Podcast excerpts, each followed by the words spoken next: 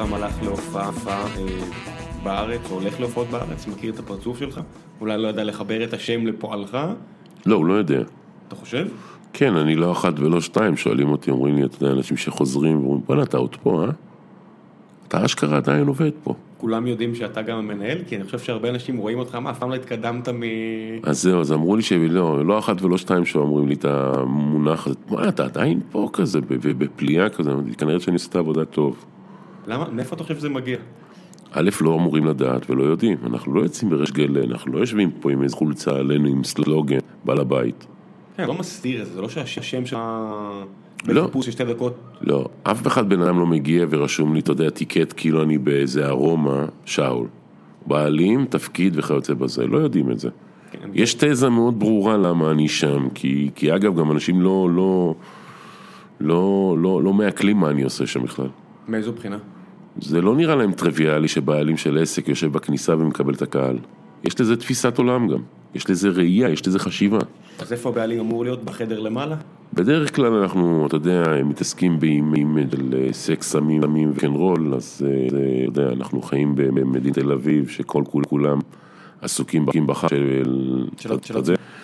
אז אה, אתה יודע, אנחנו אוהבים לדמיין לעצמנו דימויים מעין אלו, אז אני לא בעולמות האלה, ואתה יודע, יש לי איזה תזה פשוטה שהתחילה לפני כמה שנים, ואני אגיד לך דווקא בסיפור על סיפור כזה, שלפני כמה שנים התקשרה אליי, אה, אה, עשיתי שיחה עם איזה מנהל, בעלים של משרד אה, booking אה, מאוד אה, נחשב וידוע, ואתה יודע, היא ב- כדרך אגב אה, מקניטה אותי ואומרת אתה יודע, אתה יושב בכניסה כמו לובה, ועם ה- עם ה- עם הברקוד שלך, סליחה, תמשיך. עם הברקוד שלך, ואמרתי לה, זה דרך אחת להסתכל על הדברים, אבל אני, דווקא היא תפסה אותי ביום רגוע ונינוח, אז אמרתי לה, אני דווקא מסתכל על זה אחרת, אמרתי לה, אני באמת המועלים בתפיסת עולמי של המועדון רוקנרול הישראלי היחיד בארץ, הגדול ביותר, ובעיניי גם טוב מאוד, אה, וזה שהקהל, אם תצאי עם הופעה שלך בברבי או במקום אחר, והקהל מצביע תמיד ראשון אלינו, זה לא דבר שהוא מובן מאליו מבחינתי. ואם המתי מעט מבחינתי יהיה לקבל אותו בכניסה ולראות את הכניסה, זה הדבר שאני צריך לעשות. אבל אתה עושה גם מעבר, אתה יודע, יש דברים שבבירור חשובים, ותגיד לי אם זה אתה אחראי להם, כי אני, אני מניח שזה אתה, אבל אני לא רוצה לצאת מנקודת הנחה. העובדה שההופעות מתחילות בעשר, אחרי הרבה מאוד שנים, שהרבה אנשים גם כמוני, שאתה יודע, מגיעים למחרת זכותים, לא יודע, לא משנה למה, כי ההופעות תמיד נגררו, ובברבי החליטו, מחליט, מתחילים בשעה, ו, ובאמת זה מתחיל שם. תמיד התחלנו בשעה, היה הרבה עיכובים לפני הרבה שנים, תמיד לא? התחלנו בשעה, רק שזה היה ב-11. אוקיי. שינינו, אבל כששינינו, זה היה החלטה גורפת, כמו ההחלטה עם הסיגריות. אוקיי, זה- זה הדבר השני. יש החלטה- אתה- בעצמך מוציא אנשים שמעשנים, אתה לא, זה לא באונסר, אתה בא ואומר לבן אדם, תעיף את. הסיגריה, תעיף את הג'וינט, ברור, איזה שאלה זאת. אנחנו חלק אינטגרלי, אני לא מסתכל על הבן אדם שמעשן, אני מסתכל על הבן אדם שסובל מהסיגריה. אתה יודע, לימים התחלנו את העקיפה לפני שהפסקתי את העישון. היום, כשאני כבר שלוש שנים כבר לא מעשן, אני יותר ויותר גם מבין את הצד השני, של המעשנים, של הלא מעשנים. עכשיו, מצד אחד אני מבין את האנשים שלא מעשנים, ומצד שני אני גם מבין את הצד של המעשנים. גם להם מצאנו פתרון, ויש להם אלטרנטיבה, אז הם בחוץ, ויש להם גם בירה, והכל קולה והסרקולציה עובדת נכון. אבל אני חייב לומר לך שמאותו זמן שהפסקנו עם הסיגריות, אנחנו בעלייה של בין 30 ל-40 אחוז יותר. אומרת, הקהל, קהל, בקהל. בטח, הקהל מצביע ברגליים הרבה יותר. אני יכול להגיד לך שהרבה מאוד אנשים שאני מכיר, היה תקופה שכתבתי ביקורות למאקו, ואתה יודע, הייתי הולך הרבה להופעות אצלכם, ומדי פעם הייתי אומר לאשתי, בוא איתי, והרבה פעמים אתה אומר, תקשיב, לא בא לי לחזור מסריחה מסיגריות. אני הבנתי את זה רק בדיעבד אחרי שהפסקתי את הסיגריות. אתה יודע, יש איזה עניין, וזה הדבר שהכי הפליא אותי, שכשכולנו יוצאים מאוד היגייניים, אנחנו מקלחים, אנחנו, רואים, אתה יודע, לא, לא מדבר מדבר איתך על ריחים, שלא לא מריחים, התתרנים למעשה, מעשה. אבל אה, אנחנו כל הזמן אה, מקפידים על, אתה יודע, על אפטר ועל שמפו ועל סבון וכיוצא בזה, ובגדים נקיים ו... ו... ו... ו... ו... ואנחנו לא משכילים להבין, המעשנים, שמריחים אותנו מקילומטר. כן. ובן אדם שמעשן, זה הדבר היחיד שהיכה בי ביתר שאת מהרגע שהפסקתי את העישון. כאילו קלטתי כמה אני סרחן, איך אשתי סבלה אותי. אבל זה לא רק אתה. זה העובדה שאתה גם גורם לאחרים להיות צרכנים. שאם הם איתך בחדר או בהופעה, אתה יוצא מהופעה, אתה לא יכול להמשיך את הערב בלי מקלחת. כן, אז היום גם במשרד אסור לעשן, צמצמנו גם את המקום הזה. חדר אומנים תעשנו, עשנו, בעיה זה שלכם. אתה לא יכול להגיד להם לא. לחלוטין, אבל מה קרה? חדר אומנים, תמיד יש כאלה שלא מעשנים. ומשמרים על אותו אחד שלא מעשן. אז מה היה קורה? הם היו מגיעים אליי למשרד. אז מה קרה? עכשיו, ברגע שאני מפסיק לעשן, אני מתחיל להשתעל, ונוצר מצב שאני גם נחנק תוך כדי שינה בלילה. כתוצאה מעשרות שנים של סיגריות. מה לעשות, אנחנו משלמים על טעויות עבר. אה, בסדר, אני לא מבקר על כן. זה, אז לקחתי אחריות לפני שלוש שנים פלוס, עשיתי את המהלך וזה בסדר גמור, אז עכשיו אני משמר, ואתה יודע, אני מנסה לשמור סטטוס קוו, גם לזה, גם לזה ולזה, אבל, אבל הסבלנות בתוך האולם היא אפס סבלנות, כי, כי החוק יצא ונכנס לפה לפני מספר שנים, אז בשנה הראשונה, בשנה השנייה אתה עדיין מסביר. בשנה השלישית לבוא ולהגיד לי, חמש שנים אחר כך לבוא ולהגיד לי, אני לא יודע, זה לעשות ממני כסיל ואני לא אוהב את זה. עד כמה אתה מתבאס על אמנים שזורקים זין ובפנים של כולם ועל הבמה? מעשנים? כי אתה יודע, יש, יש פה את העניין של הרוק, אתה יודע, אני זוכר הופעה לפחות אחת של אה, פיטר דוהרטי או פיט דוהרטי או איך שהוא לא רוצה שנקרא לו עכשיו, שמדהים שהוא עדיין חי, ואתה, אתה יודע, עם כל העניין הזה של רוק אנד רול והעובדה שעל ה- על העטיפה של האלבום שלו יש אותו מזריק הרואין והוא עולה על הבמה עם סיגריה וכולם תצים כי זה, לעשות דווקא, לעשות, לעשות נגד החוקים. תשמע, אני אסביר. אה, יש אה, גם משה לוי שלא רואה ממטר כשהיה עולה עם אה, סיגריה, ויש דוגמה את אסי ששון המתופף של הג'ירפות, ויש ויש ויש ויש. אני אגיד לך שברגע שיש סיגריה על הבמה זה מעין לגיטימציה לקהל, ואז אנחנו עובדים ביתר סט, ואז אנחנו מאחורי הקלעים עושים את מה שאנחנו עושים, ומטפלים בזה. תשמע, החוקים בארץ והחוקים בעולם הם אותם חוקים. יש נורמות, צריך לשמור עליהן ולכבד אותן. אגב, החוקים בעולם, כשאתה מגיע לאנגליה או לאירופה בכלל, או לחילופין לאמריקה, יש חוקים מאוד ברורים, אתה עומד בהם, אוי ואבוי לך אם לא. אין סיבה שמדינת ישראל יפרו חוק באותה נשימה ובאותה מידה.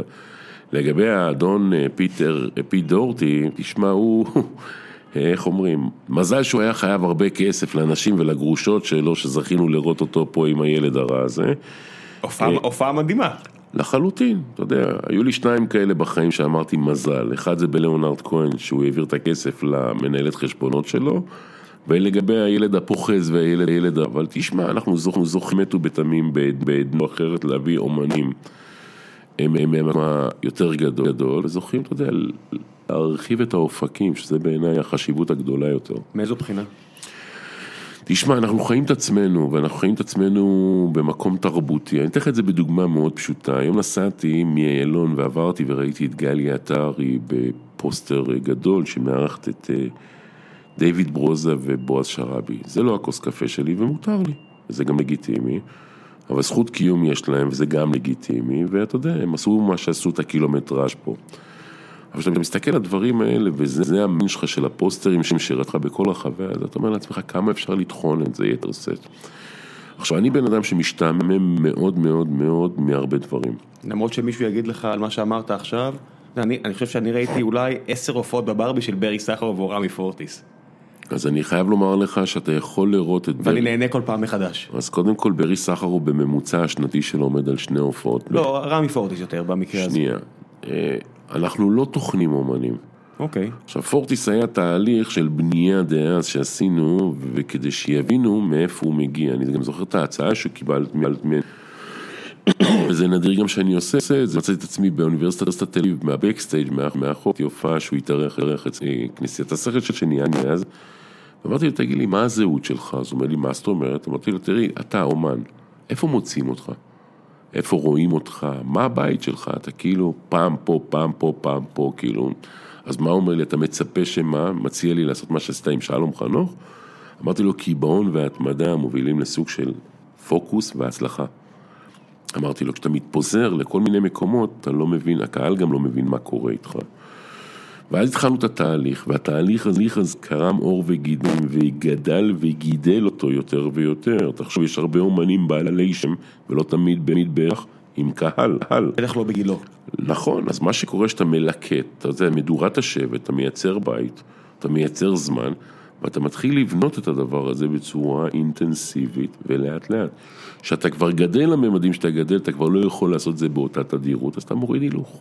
מדהים אותך לפעמים, אתה יודע, אתה רואה, אתה רואה אותו על הבמה, והבן אדם, אני זוכר, הייתי בהופעת, אני חושב שהוא חגג יום הולדת 60 אצלכם, ואתה, הסתכלתי סביב, ואני רואה שם ילדים, ונערים, ונערות, ואני אומר, וואו, יש פה אנשים בני 20, הבן בן 60, הם נולדו שהוא כבר היה היה כוכב כשכבר ירד ועלה וירד ועלה, והנה הם פה במועדון שלך ומשתוללים ו... אז אני אגיד לך את זה, לפני אה, לא, זמן לא רב, מצאנו את עצמנו קין והבל ל-90-210 עושים 40 שנה לפלונטר. אני מאוד זוכר לצערי הרב את 30 שנה לפלונטר, איך שהעשר שנים האלה טסו, אבל 40 שנה לפלונטר היה איזה סוג של איזה גולת כותרת מאוד מעניינת, כי מי שעשה את המחווה עצמה זה חבר'ה צעירים. ובסוף שאול, מקין והבל, שעשה את כל ההופעה עצמה ושר רוב רובו, וזה לא היה מופ... עטור שם שמו, אלא היה תאי, תאי מלא, היה מפומק, היה צעירים, היה אנרגיות, היה כיף.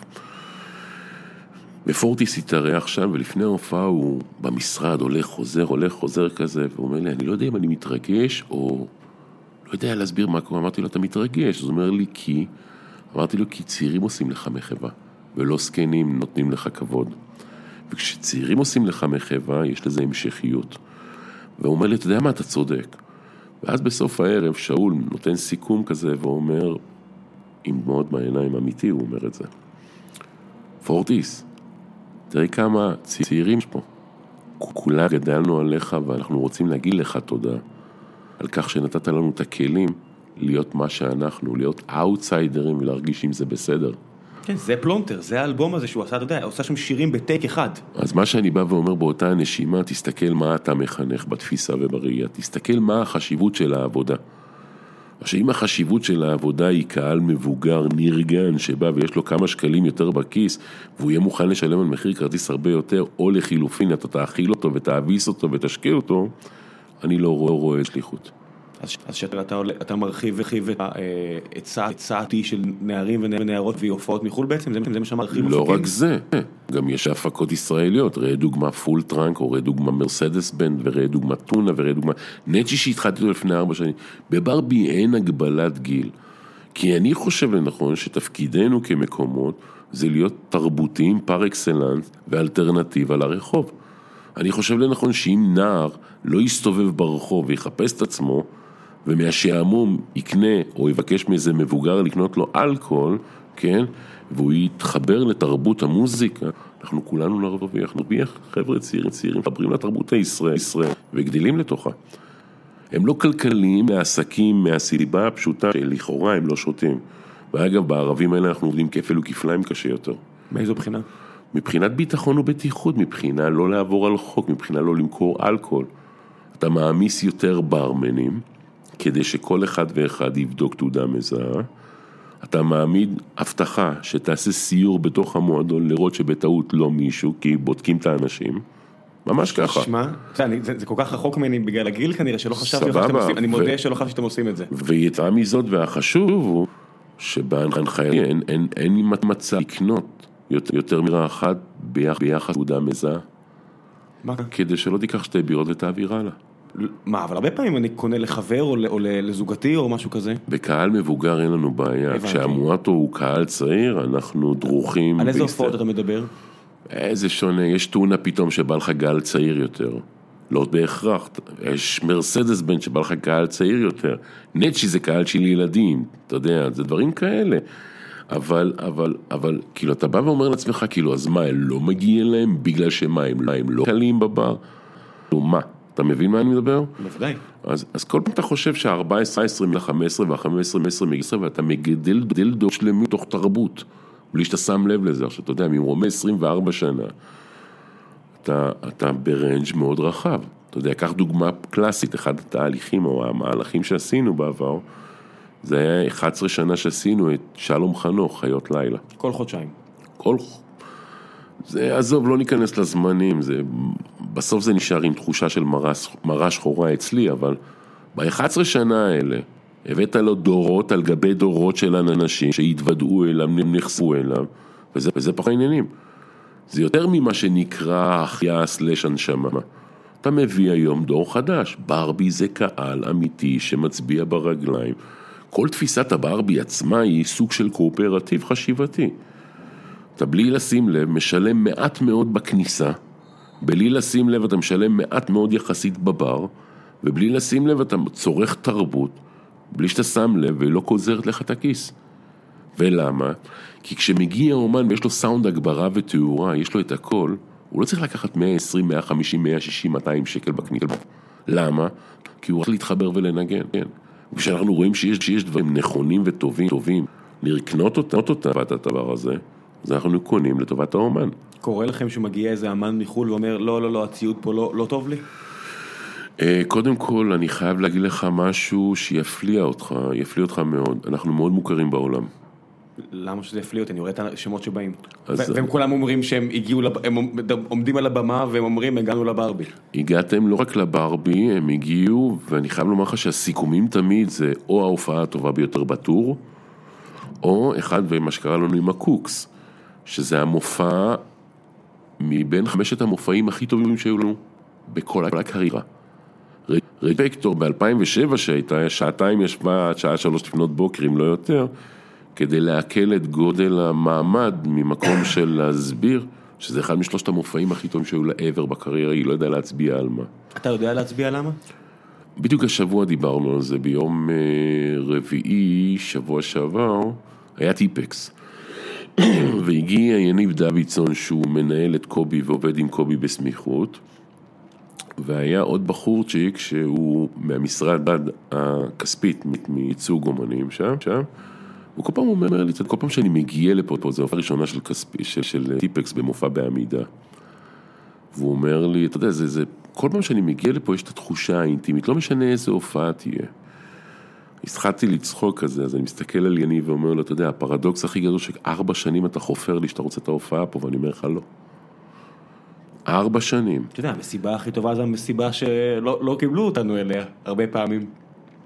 תשמע, אני, אני לא יודע להסביר, תשמע, אני לא מנגן, אני לא מוזיקאי, אני לא איזה בן אדם שפתח מועדון בגלל שאני איזה אומן מתוסכל. אתה מקנא? מה? אתה מקנא בהם? קצה קצה קצה כלום, אפילו, אפילו לא מה זה. באמת, אף פעם לא עולה לך התחושה לא של... היה לי לא את התחושה של לעלות על הבמה, לא להיות בפרונט, אני תמיד מאחורי הקלעים. גם כשאני עובד בקופה, אני לכאורה מאחורי הקלעים, אני כאילו נבלע בתוך ההמון. כן, אני רואה שאנשים באים אליך עם הרשימות ואתה רק בורר או דברים כאלה, אתה לוקח מה, מהאנשים הרגילים ויש לך את האנשים האחרים שמתעסקים עם העיתונאים, מתעסקים עם כל החברה. זה לא מעניין אותי, הם לא רלוונטיים, אני לא רוצה לא עיתונות, אני לא רוצה מבקרים, אני לא רוצה אף אחד. אני לא רוצה אף אחד, לא כי אני מתנשא, כי אני חושב שצילומים, ואני חושב שתקשורת, ואני חושב שזה זה, זה שמסאב והורס. מאיזו בחינה? יש משהו- שאתה נמצא תעשייה שכן, התקשורת נוזרת איפשהו, לא? התקשורת היא לא רלוונטית כבר. א', אנחנו מדברים פה על, דיברת על מאקרו, אנחנו מדברים פה היום על... על אני מדבר כמה שנים אחורה, כן? בסדר, אנחנו כן. מדברים פה על כתבים שמקבלים שקל וחצי במקרה הקיצון, ברור. אתה יודע. אה, ותשמע, עכשיו, אתה יודע, פורטל זה או אחר אמור לשלוח כתב שאמור לסקר איזשהו מופע. והוא בעצם אמור לפנות למופע שהוא פונה לרנג' היותר רחב של הציבור, הציבור אמור לקרוא את זה בתוך, בתוך הפועל. אחר כך, אני אתן לך את זה בדוגמה דוגמה אה, טובה. ביולי שנה, שנה שהיה לנו אומן שקראו לו ליל דיקי. ההופעה הזאת למעשה נמכרה יומיים בברבי, שהראשונה נמכרה בשעה וחצי, זה היה אז הישג, השנייה נמכרה ב-20 דקות, שזה היה ההישג השני הגדול ביותר שלנו דאז, ומשהו כמו חמישה, שבעה חודשים לערך, חמישה חודשים, לא הייתה דודה, מורה או וואטאבר שלא ניסתה לאתר כרטיס למופע ולא הצליחה. זאת אומרת, הביקוש אליו היה עצום, ואני מדבר איתך על דור הבא, דור חדש, דור של. זה קורה יותר עם הופעות של חבר'ה יותר צעירים, אתה מרגיש? כן, זה קורה, שים לב, מי היה מאמין שחמישה חודשים למפרע, מראש, אנחנו נעשה מכירה לקהל ולא יהיה כרטיסים. אתה יודע, זה היכה בי בתחילת ינואר, שיוצאנו מופעים של Cigarettes After Sex, ושני המופעים sold out. אז יום אחד מתקשר איזה אחד בערב, בשעת לילה כזה, ואני עונה בנונשלנט כזה, ואני, תשמע, בן אדם, אני מנסה להשיג כרטיסים ל Cigarettes After Sex, אני מנסה להגיד לי, עכשיו נזכרת? אז הוא אומר לי, תגיד לי, על מה אתה מדבר עכשיו נזכרתי? תחילת ינואר, עוד חמישה חודשים במופע. ואז נפל לי האסימון, שזה רק בגלל שהוא העמיד אותי, העמיד אותי בי לכאורה, נתתי לו שני כרטיסים. מה הכוונה?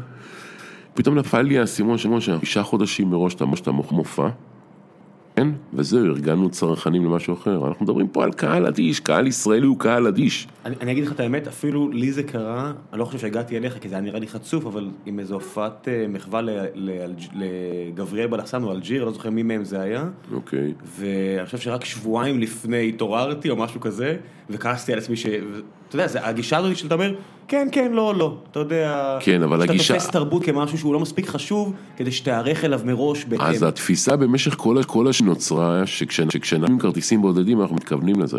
כשאנחנו רושמים אין כרטיסים, זה אין כרטיסים. נכון. והחינוך, באמת, באמת ש... לא. והחינוך שלנו לגבי הצרכנים הוא חשוב מאין כמוהו בעיניי.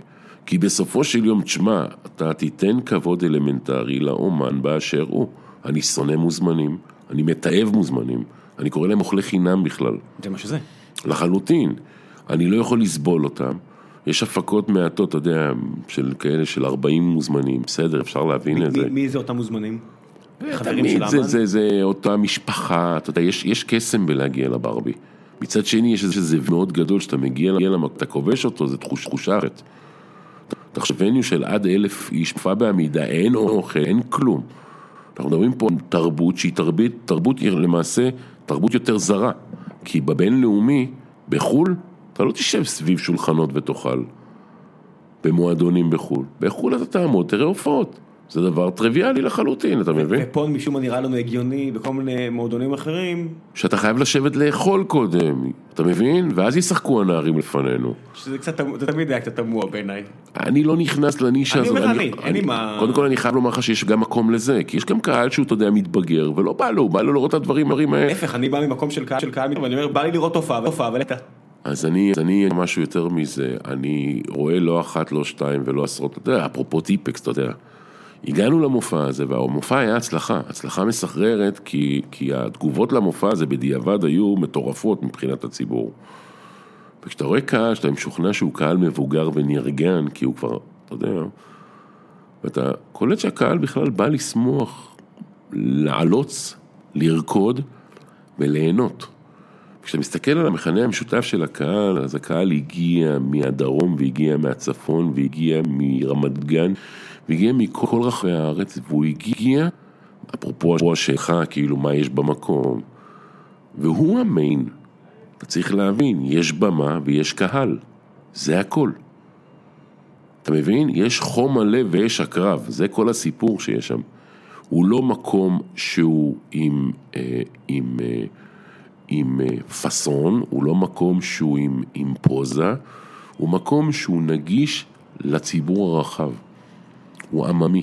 זה, זה נראה מהצד כמעט כאילו עשיתם את זה בכוונה. אתה יודע, כשאני מסתכל, יכ- יכלת לקרות יותר, יכלתם לצבוע לצבוע מבחוץ, כאילו שמענו שמע את זה איך שזה, באחרון, אפ- אפילו לשמר את ההרגשה הזו, קצת מלוכלך, קצת רוקן רוקן רוקן אותי, אני חייב להגיד לך כמה דברים. אחד, ניקיון, יש שם יותר מאשר יש לך בבית.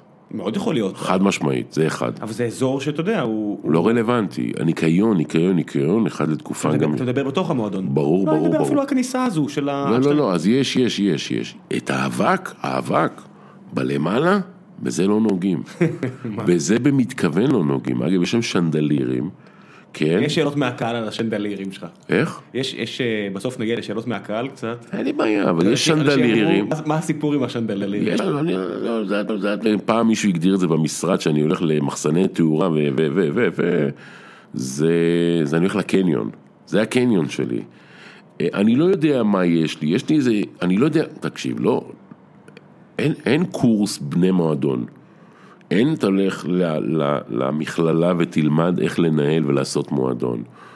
אנחנו בונים את מה שאנחנו מרגישים, אנחנו בונים את מה שאנחנו, אנחנו, למעשה המקומות שלנו, יכול להיות שזה גם בראי הנפש שלנו, יכול להיות שהם משקפים גם אותנו. אני חושב שהפשטות זה אחד הדברים הכי נפלאים נפלאים שם להיות. כי בסופו של דבר לא אני השחקן מפתח פה, התפקיד שלי זה להלך ולהכניס קהל טוב במהירות ולא יתעכב, כי אם זה דבר בלתי נסבל בעליל בעיניי. כן, ויתרה מזה, ואני זוכר גם את הפעם הראשונה שחילקתי אשריים את הגיני גיהנום שחוויתי עד שלמדתי מה עושים. ואת כל המערכות האלקטרוניות שפיתחנו, כתוצאה מהפקות לקחים, אתה יודע, יש מה שמצב נתון שאתה מכניס קהל במהירות שיא, רואה את הבעיה, ולמחרת היום מדבר עם המתכנת מה לא בסדר. ואתה מייעל את זה, אז אנשים לא משכילים להבין מה זה בשנים האחרונות להכיל מקום ולתת שירות של שירות של חצי כדי שהקהל ייכנס בנינוחות, בלי לחץ. מצד שני, אתה יודע, אתה יודע, בונה עסק, עסק שהוא הוא לכולם, אתה מבין? הוא רחב יותר, הוא בית לכולם באשר הם. מה זה לכולם? הוא, הוא בית לסאבסט בתרבות הישראלית שאתה לא מתבורח מזה, הוא לא באמת, לא, זה לא שאתה מארח את כל סוגי האמנים ואת כל סוגי... לא אמור. נכון, אבל אמרתי, אתה אומר זה לכולם, זה לא לכולם, זה subset גדול בקהילה שאתה דואג לה כי מי, אף אחד אחר לא דואג לה. תשמע, בוא, קודם כל הבנייה בתהליך, אתה רוצה לדבר על התוכן של הברבי? אני אדבר איתך על התוכן של הברבי, זה יותר מורכב. מועדון ברבי לעולם לא היה לו. לא, לא אני נכון. אסביר לך, מועד- מועדון ברבי ושאול מזרחי בתוך המועדון לעולם לא היה. לעולם לא ידענו לשחק את המשחק של הפוזה, של הפאסון, של המניירות, לעולם לא היינו במקום הזה. להזכירך, בעבר הרחוק היה קאמלוט, שניגן בדיוק באותה נקודה. מאוחר יותר היה זאפה, שכולם עבדו על אותה נישה, אגב זה אותם בעלים מן הסתם. ברבי לא ידע לקבל חסויות ממקומות, לא ידע, אתה יודע, פוציני ומוציני, אתה יודע, בערוב ימיי שכבר נהיינו באמת מועדון מוכר וכיוצא בזה, הגיע לי איזה אה, אינטליגנט ממלבורו, הוא אומר, זכית, נכנס אליי למשרד, אני עושה לו במה זכיתי, הוא אומר לי, זכית, אנחנו, אנחנו את הלוגו של מלבורו, בזה וזה, זה, באיתך וכזה וזה וזה. אתם, שאתם נגד עישון, עישון, שימו את הלוגו. אמר את זה, את זה, אמרתי לו בסדר, הסתכלתי עליו כזה, ואני אומר לו, אתה מסתכל, אתה אומר לי, זכיתי? כאילו, מי אתה חושב שאתה היה חתיכת דגנרט? תעוף מהעיניים ומהר.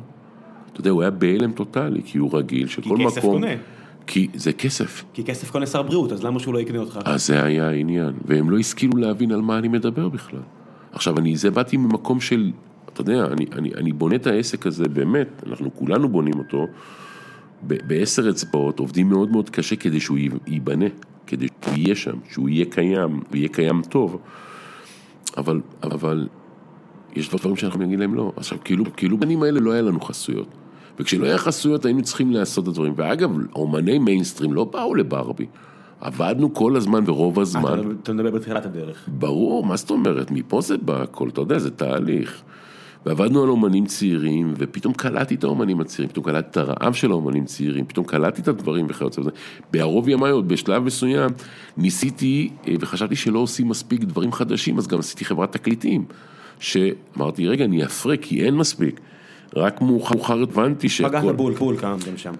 לא, לא הבנתי גם, כאילו, רק, רק הבנתי כמה כל, כל, כל, כל, ה, כל התפיסה הישראלית היא כמו איזה משטר שטאזי. כאילו, אותם אומנים, אותם אנשים, אותה קומבינה, אותה קריצת עין, אותה חונטה, ורבתי גם על זה. ואז הבנתי איפה אני חי. זאת אומרת, לקח לי הרבה זמן, אני הרי די תמים, די נאיבי בהרבה אבל אבל מובנים. כשאתה עושה לייבל לעומת שאתה עושה מועדון, תקן אותי אם אני טועה, אבל אתה, הגישה הזאת לא יכולה לעבוד, היא יכולה לעבוד בלייבל כמו שהיא יכולה לעבוד במועדון, והיא יכולה לעבוד במועדון כמו שהיא יכולה לעבוד בלייבל, זה אותו דבר? קודם כל, גם בלייבל אתה בוחר אומנים. נכון, נכון, השיקולים מסחריים לא צריכים, לא צריכים יותר חריפים, יותר, יותר... תשמע, עזוב אותך, זה שאלג'יר נהיה מה שנהיה, כן, אף אחד לא יסתכל על זה כאל מסחרי. אני ראיתי משהו אחר. אלג'יר בטח שלא. תודה רבה, אבל זה שעשית אוטוביוגרפיה לכנסיית השכל, ולקחת מכל מכלול התקליטים שלהם את ה-50 אחוז שירים שהם בקבר קראנו להם, ואיך אנחנו עושים מהם יש מאין, ו-50 אחוז שהם לעיתים, כן, ומייצרים ערך מוסף. בעלות של מאות אלפים של שקלים, שפתאום נפלתי לאיזה איזה בוט כלכלי מטורף שלא השכלתי להבין איך הכנסתי אליו, בגלל איזה מגלומניה שלי. אה, שוב, שוב אני באמת מאמין שאני חייב לעשות את מה שאני עושה, ואם אתה עושה משהו, אל תעשה פחות מטוב מאוד. אין דבר כזה, זאת אומרת, יש לי לא מעט ביקורות על הופעות שמגיעות אליי, ואני מאוד קשה איתם. שהם מה, מחפפים? הם אה, לא מה מביאים- זאת אומרת? אני לא יכול? לקבל את זה, לא יכול לקבל את זה. לא יכול לקבל את זה. הגעת אליי, אתה בא לעבוד, אתה יודע, יש קהל. ככה רגע, מה. אתה מדבר על איך שהם לבושים, על איך שהם מתנהגים, איך אני לא הציוד אכנס? לא, לא, לא, לא. אז מה אתה מדבר? אה, לפעמים ההופעה היא לא מספיק בר- ברמה. זה היה 10, 20 שנים שנה למותר, שנה, שנה מרות תאריך. אי אפשר שזה, אי אפשר שזה יהיה. אי אפשר שהקהל יצא מאוכזב. קורה לפעמים. לחלוטין, אבל זה לא אומר שאני לוקח את זה בקלות. אתה לוקח את זה קשה? מאוד. מאוד. אתה מרגיש, אתה שומע את הזמזום בקהל ש... עזוב את הזמזום, אני לפני כולם. עזוב אותי מזמזום, אני לא רואה את הזמזום, אני לא מחכה לקהל שייתן תגובה. לא, ה vibe, אתה מרגיש אותו. אתה יודע, הברבי, איך שהוא בנוי, אתה ממש מרגיש כשהקהל לא, לא טוב לו. אין לך לאן לברוח, זה מה שאני מנסה להסביר לך, יש לך במה ויש לך קהל. וזה היופי, אין אם לך, אתם פותחים בשני הצדדים, אז זה גם בכלל... אין לך אפילו עמוד להסתכל עליו ולברוח עם המבטים. אין. כן. כאילו אם הטכנאי עושה חרא של עבודה, אז כולם מסתכלים אליו. נכון. בעיניי זה מה שקסום בדבר הזה. אתה, אתה מבין? הקהל הוא מרכיב מאוד חשוב, והבמה היא במה. חכה, שנייה, תן לי. להחזיר אותך, אמרת, דיברת על מנועים קדימה. אני, אני שומע את האלבום הזה פעם ראשונה, והדבר היחידי שעובר לי בראש, וגם לכמה חברים שמיד העברתי להם את האלבום, עבר, אמרתי לעצמי, מי לכל הרוחות אישר את הדבר הזה? אתה יודע, זו הפקה מוזיקלית משוגעת על תכנים שאני הייתי בטוח שזה אני ועוד עשרה אנשים, שאני בטוח שהרבה אנשים מסתובבים עם התחושה הזאת, ואמרתי, איך הנס הזה קרה? אתה יכול להסביר לי שנייה איך הנס הזה קרה? כן, אני יכול להסביר, ואני אפילו אפילו יפתיע ב- אולי, איך אומרים, בכנות כנות יתרה, או שאני לא לא אהיה על זה. אה, בוא, אני את אלג'יר, את אביב ואת גבריאל הכרתי עוד בתקופה שהייתי ביונה הנביא. שניהם עבדו בפיצוצייה הסמוכה. אז שהיו הופעות והייתי צריך אתה מדבר על. שנת 99 כבר? 94 פתחנו ביונה הנביא. אז בתקופה הזאת, בשלהי 95, 6, 7, עד 8 היינו ביונה הנביא, 8. אוקיי. והם עבדו בפיצוצייה, ואני כל מה שהייתי עושה כדי לברוח מהרעש והבלגים שהיה לי מסבוי, סבוי, סבוי, אלה ודברים מעין אלו, כדי לברוח אה, משהו לבת יענה כזה, הייתי הולך עכשיו לפיצוצייה, וכל פעם הייתי, הייתי חופן קשיו לוקח, ומדברים על החיים. לימים הם הופיעו בברבי, והיה שם באמת אש ותמרות עשן. ואני לא אשכח לעולם את החולצה הלבנה של אביב גט, שאתה יודע, עם הצבע, צבעת השיער באדום או משהו כזה, וכל הצבע עם הזה, הכל על הזה, ממש היה זה. הם גם עזרו לי לפרק את הברבי ולהעביר אותו לסלמה. הם, שניהם? כן. והלכנו בית לדרך חדשה. בסלמה היינו עוד איזה, שניים פלוס, ומשם עברנו לקיבוץ גלויות, ובקיבוץ גלויות זה קרם עור ורגים. התהליך. ואז מדברים קנינו, פה על 2003 כבר? משהו כזה, קנינו כבר אה, על האולפן, ו- ו- ו- ו- ו- ורציתי לעשות. תשמע, הם קיבלו הצעה מאליקון, מגדי גידור שהיה שם, אם אני לא טועה, גדי גידור שהיה שם, אני חושב, או מ-NMC. ואמרו להם, אנחנו רוצים שתעשו את זה, כן, אבל אנחנו רוצים שינויים. אני באתי ואמרתי, אני רוצה לעשות את התקליט, תנו לי, תנו לי את הגדולה לעשות את התקליט הזה, אבל יש תנאי אחד, אני לא רוצה שום שינוי. שיש בסקיצות זה מה, ש- זה מה שבאלבום, מה שיש שיש סיסים של כלי מיתר, מיתר, אני הכל אמיתי. כולל. להוד, כולל הפעמונים, כולל... אין, הכל אמיתי, אין שום דבר שהוא דמו, דמוי ל. אין דבר, זה, זה התנאים שלי. as is, רק מה? לא חיקוי. כלי מיתר זה כלי מיתר, הכל, הכל, הכל, מה אני שצריך. חייב לשאול אותך בכנות. אה? אתה שומע את השירים האלה, אני רוצה שתגיד לי בכנות, אבל אתה שומע את השירים האלה. נו. אתה קולט שזה משהו שלא יהיה כמותו? ואני אומר את זה בפה מלא, לא אכפת לי שיחלקו עליי פה. אני חושב שזה משהו חד פעמי במוזיקה הישראלית. אתה קולט את זה בזמן אמת? אני מניח שלמעלה משנתיים עבודה עם אינטנסיביות אה, מטורפת של אה, אבי שמגיע לי, אני זוכר גם את, את אה, ארבע בבוקר, שלוש בבוקר, שמגיע סקיצות של אה, רף מיקס של אה, אה, בתוך הצינורות, לפני שעשינו תיקוני שירה לגבריאל, שבקושי ידע, יכל היה לשיר, עליו השלום. ואני יושב עם כוס קפה ביד כזה, ואני שומע את זה במשרד, כאילו במועדון, וה- והיד שלי רועדת כמו אני לא יודע מה. אני שומע, אני אומר, תשמע, זה, זה כאילו, ואתה שומע את הסולואים, את- הארבע, חמש, שש גיטרות שיש שם, את הסולו האלמותי הזה, ואתה אומר, זה לפנטיון. אם אתה שואל, שואל אתה, מסחרית, לא עניין אותי אפילו. לא, לא, לא, לא, לא, אפילו, אבל איכותי, איכותי זה איתה... אני לא לא במקום הזה, זה בדיוק כמו שתגיד לי לגבי- לגבי הופעה, אני מסתכל as is מה אני רואה לנכון, מה אני מרגיש באותו זמן, ככה אני בונה את העסק. אני לא מחפש עכשיו מה מוכר, מה לא מוכר. התערבת איכשהו?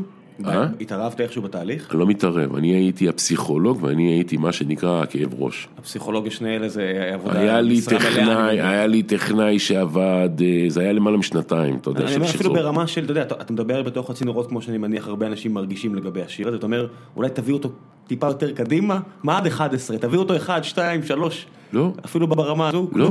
לא, אביב ידע בדיוק מה הוא. עושה. הם בנו סקיצה לעילה ולעילה לפני ולפנים. והם ידעו מה הם עושים, זאת אומרת, מה שהיה ניתר זה לעבוד. עכשיו, אגב, ההפקה קרסה לא אחת ולא שניים, עד שממש הריצבנו אותה. כי היה רן שם טוב שהם בחרו אותו, ואז זה ירד מהפרק. ולימים רן שם טוב כעס, כי הוא לא היה שם. אה, בסדר, אז הוא כעס עליי, אני השק אגרוף. והיה טכנאי שהוא אמר ככה ואביב אומר ככה, תקשיב, זה לא היה פשוט. זה היה כאב ראש אחד גדול. זה היה באמת ובתמים פרויקט במלוא מובן המילה. זה היה שנתיים של שעות על גבי שעות, שעות על גבי שעות, שעות על גבי מה שעות. מניע בשלב הזה? אני מניח שאתה לא לא מצפה לתמורה כספית גדול- גדולה, כל אלבום כזה... גבר, אני אגיד לך משהו הרבה יותר, יותר פשוט. אני בסוף שהמאסטר היה גמור, וכל הסיכומים שלי שהיו בעל פה, נגוזו לכל עבר, אני סיכמתי, אני קודם כל עשיתי תקליטים, אני היה לי, אני איש של מילה. אני אמרתי מילה, יתהפך העולם, זה יקרה. אני אמרתי, זה מה אני רוצה, אמרו לי, סבבה, תתחילו לעשות את התקליט, נעשה את ההסכם בהמשך. בהמשך, יפרו הסכמים איתי. ובהמשך אמרתי, חבר'ה, אני לא רב. הנה המאסטר מוכן, לכו ל-NMC, לכו למי שאתם רוצים, תנו לו את המאסטר, שייתנו לי את הכסף שלי, שלי עזבו אותי. והם חזרו, כי חברות התקליטים לא, לא רצו לי את זה. חזרו, וכנראה שאני הייתי צריך להוציא את זה. עכשיו, אה, אה, עשיתי את זה, בסדר. אני כבר ממשיך הלאה, כאילו, יש דברים בחיים שאני לא מתעכב עליהם. עשיתי, אני יודע מה עשיתי. יכולתי לעשות גם תקליטים הרבה יותר גדולים, או עוד דברים גדולים. עוד דברים גדולים אני קונה. כן, אני יודע מה אני אומר. אני יודע, כי אוטוביוגרפיה כן, כניסה הוא, לשכל. הוא, הוא יציאה שאין אין שני לה. אוטוביוגרפיה ישבה על 200 אלף ערוצים. אוטוביוגרפיה, כשחשבתי על המופע, לא היה בכלל את הטכנולוגיה המיקסרים הדיגיטליים. ישבנו על זה 120-130 ערוצים פתוחים. כן, זה נשמע כמו משהו שראם מוכיח יספר באיזה סרט דוקומנטרי הסיפור הזה, אתה יודע, זה מסוג האלבומים האלה שאתה אומר, מה קרה פה? מה מה קרה באולפן של- של של כניסת השכל? אתה אומר, אני אני רק מנסה לזהות כמה אה, כלים מעורבים פה, כמה ערוצי סאונד, זה לא... רמת- והכל אנלוג, הכל סרטים, זה היה התנאי היחיד. עכשיו, זה היה חשיבה. אני, כשבאה להקה, אחרי שנה שהיא רדפה אחריי ברמה של היא רוצה לי ניהול, ולא הסכמתי, ורק באיזה הבלך של, של איזשהו ש, ש, שפתח את הפה ואמר לי, תשמע, הם סוס סוס מת. אני שמעתי את זה, ואדם, ואדם, איך אתה אומר סוס מת? הוא אומר לי, הם סוס מת, הם כבר לא... ובאותו יום נכנסתי חזרה למשרד אחרי שהוא אמר לי מה שהוא אמר לי, עוד פעם יורם מתקשר אליי, אמרתי לו, תגיעו, יש לכם מנהל. הוא אומר לי, מה קרה? אמרתי, מישהו אמר שאתם סוס מת, פה נדלקתי. ואז ניסיתי להבין בתפיסה, כאילו, אתם להקה מספיק ותיקה, מה אתם בעצם רוצים, מה השאיפות שלכם, מה היעדים שלכם. ומפה התחלתי להוביל מהלך חשיבתי, מה עושים. ואז הלכתי טיפה אחורה ברזי הזמן, ו, ו, והיה דברים בלחש שדאז הם לא, הם לא ידעו כמו שצריך, כי זה היה מכונת תופים, ואמרתי בואו ננסה לראות מה קורה, ואז הם רצו את יון בלוך בכלל שיעבוד איתם, ואמרתי בשום פנים ואופן, עמי רייס יעבוד איתכם. איך, מה פתאום? זה בסדר, הוא יהיה שם. ואתה מביא ומצוות ועושה, בוא נעשה הופעה שתיים של הדבר הזה עם כלי מיתר, בוא נראה איך זה מתיישב, נראה, נעשה טסט קייס. ומפה זה בא, ופתאום הרעיון הגיע לאוסף, ואז אמרתי, רגע, אנחנו נעשה גם 40 איש בקיסריה, מופע מיוחד. אתה יודע, עכשיו הלהקה דאז, באותה תקופה, אני מדבר איתך על להקה שהביאה 28-30 כרטיסים בממוצע, באמת הם היו במצב לא טוב. מאיפה זה? ויש לנו וידאו לדברים האלה, תיעדו אותם. יש- יש כמה הופעות כאלה, זה זה כמו אספרים, זה כמו כל מיני כאלה כאלה שאמרו לתחייה ממש מאפס. וכשעשינו את זה, אני לא אשכח, כשעשינו את אוטוביוגרפיה, את האלבום, הוא, כולם דיברו עליו ואף אחד לא ידע על מה מדובר. כולם דיברו על הדבר הזה, כאילו, ועשינו ושמרנו על חשאיות. והגענו לפסטיבל ישראל, ובפסטיבל ישראל אני מקבל עשרות של אס.אם.אסים מתל אביב. היינו בבנייני האומה, זה היה משודר בגלגלצ, ועשינו פקקים בכל ירושלים. שאנשים פשוט פתחו את זה בפארקים, פתחו וכאילו אנשים עפו. ובבנייני האומה, שמכרנו בהתחלה איזה אלף ומשהו כרטיסים, בשתיים בלילה בלילה במשרד, אני לא אשכח, לא אשכח, חבר'ה, אנחנו עושים גם קיסריה. אמרתי, המופע הזה מכוח האנרציה ימכור את קיסריה אחרי חודשיים וזה בסדר. אמרו לי, אתה לא נורמלי. אומר להם, חבר'ה, תאמינו, נצליח. והבאנו ברושור, ונתנו ערק עם אה, אשכוליות שם ונענה, ואנשים קיבלו ברושור, ובסוף הודענו על קיסריה עוד חודשיים. והיינו סולד אאוט בקיסריה, להקה שזה, ולימים, ידיעות אחרונות באותו יום, שאנחנו הולכים להקמות, רושמת חלטורת ועדי עובדים, הם לא האמינו. ברוב שהם לא האמינו, הם הסתכלו על זה בצורה של, ואני גם פתחתי את העיתון, ישב שישי שבת בבאה מאחורה, כל הראנים וכל הזה, זה וזה וכל זה, ואני רואה את הקרה הזאת, וביום ראשון כבר הונח להם מכתב, או שתתנצלו, או שאנחנו הולכים לתביעה מאות דולר. הם שיחקו משחקים, הם בסוף התנצלו, כי לא הסכמתי לקבל את המונח חלטורת ועדי עובדים. הם היו משוכנעים שחברה קנתה אותנו ופתחנו קופה על חשבון זה. הם לא השכילו להבין שאספנו קהל בשיער. אתה הבנת? עד כמה הייתה הפליאה בשוק לגבי הדבר הזה. ואגב, הוא נגמר בשיא. אוטוביוגרפי נגמר בהצלחה, הוא לא נגמר שמוססנו. לא דע. מה פתאום? הוא לא נגמר, זאת אומרת, אנחנו ראינו את זמננו. זה היה נראה לי מופע נורא יקר. זה מופע שהכסף לא היווה פה אלטרנטיבה, חשיבה וראייה. זה לא היה שם. אנחנו באים לייצר אומנות. ככה אני בא ועושה. ובדרך אנחנו, אני רציתי להביא את העם לקיסריה. כרטיסים היו יחסית זולים, כי רציתי להביא את האנשים שנבצר מהם להגיע להופעות לקיסריה. והצלחנו. והצלחנו מאוד, למעלה מ-60 אלף איש ראו את המופע הזה, זה היה הצלחה כבירה. אתה תגביל מחיר של הופעה בברבי? בטח, אנחנו כל הזמן נלחמים על זה. אני, אני, ברור שאני נלחם, אבל אני מניח שיש שם אומנים שבא לך אישית לראות בברבי, אתה יודע... יש עכשיו הופעה, אני אתן לך את זה בדוגמה, אתמול ישבתי על, על, על תקציב של הופעה בינלאומית שאמורה לצאת בשבוע הבא לאוויר. זאת אומרת, מתחילה המכירה? כן, תצא המכירה. אנחנו מגלים שאנחנו עומדים על סדרי גודל של ברבי מלא, זה break even.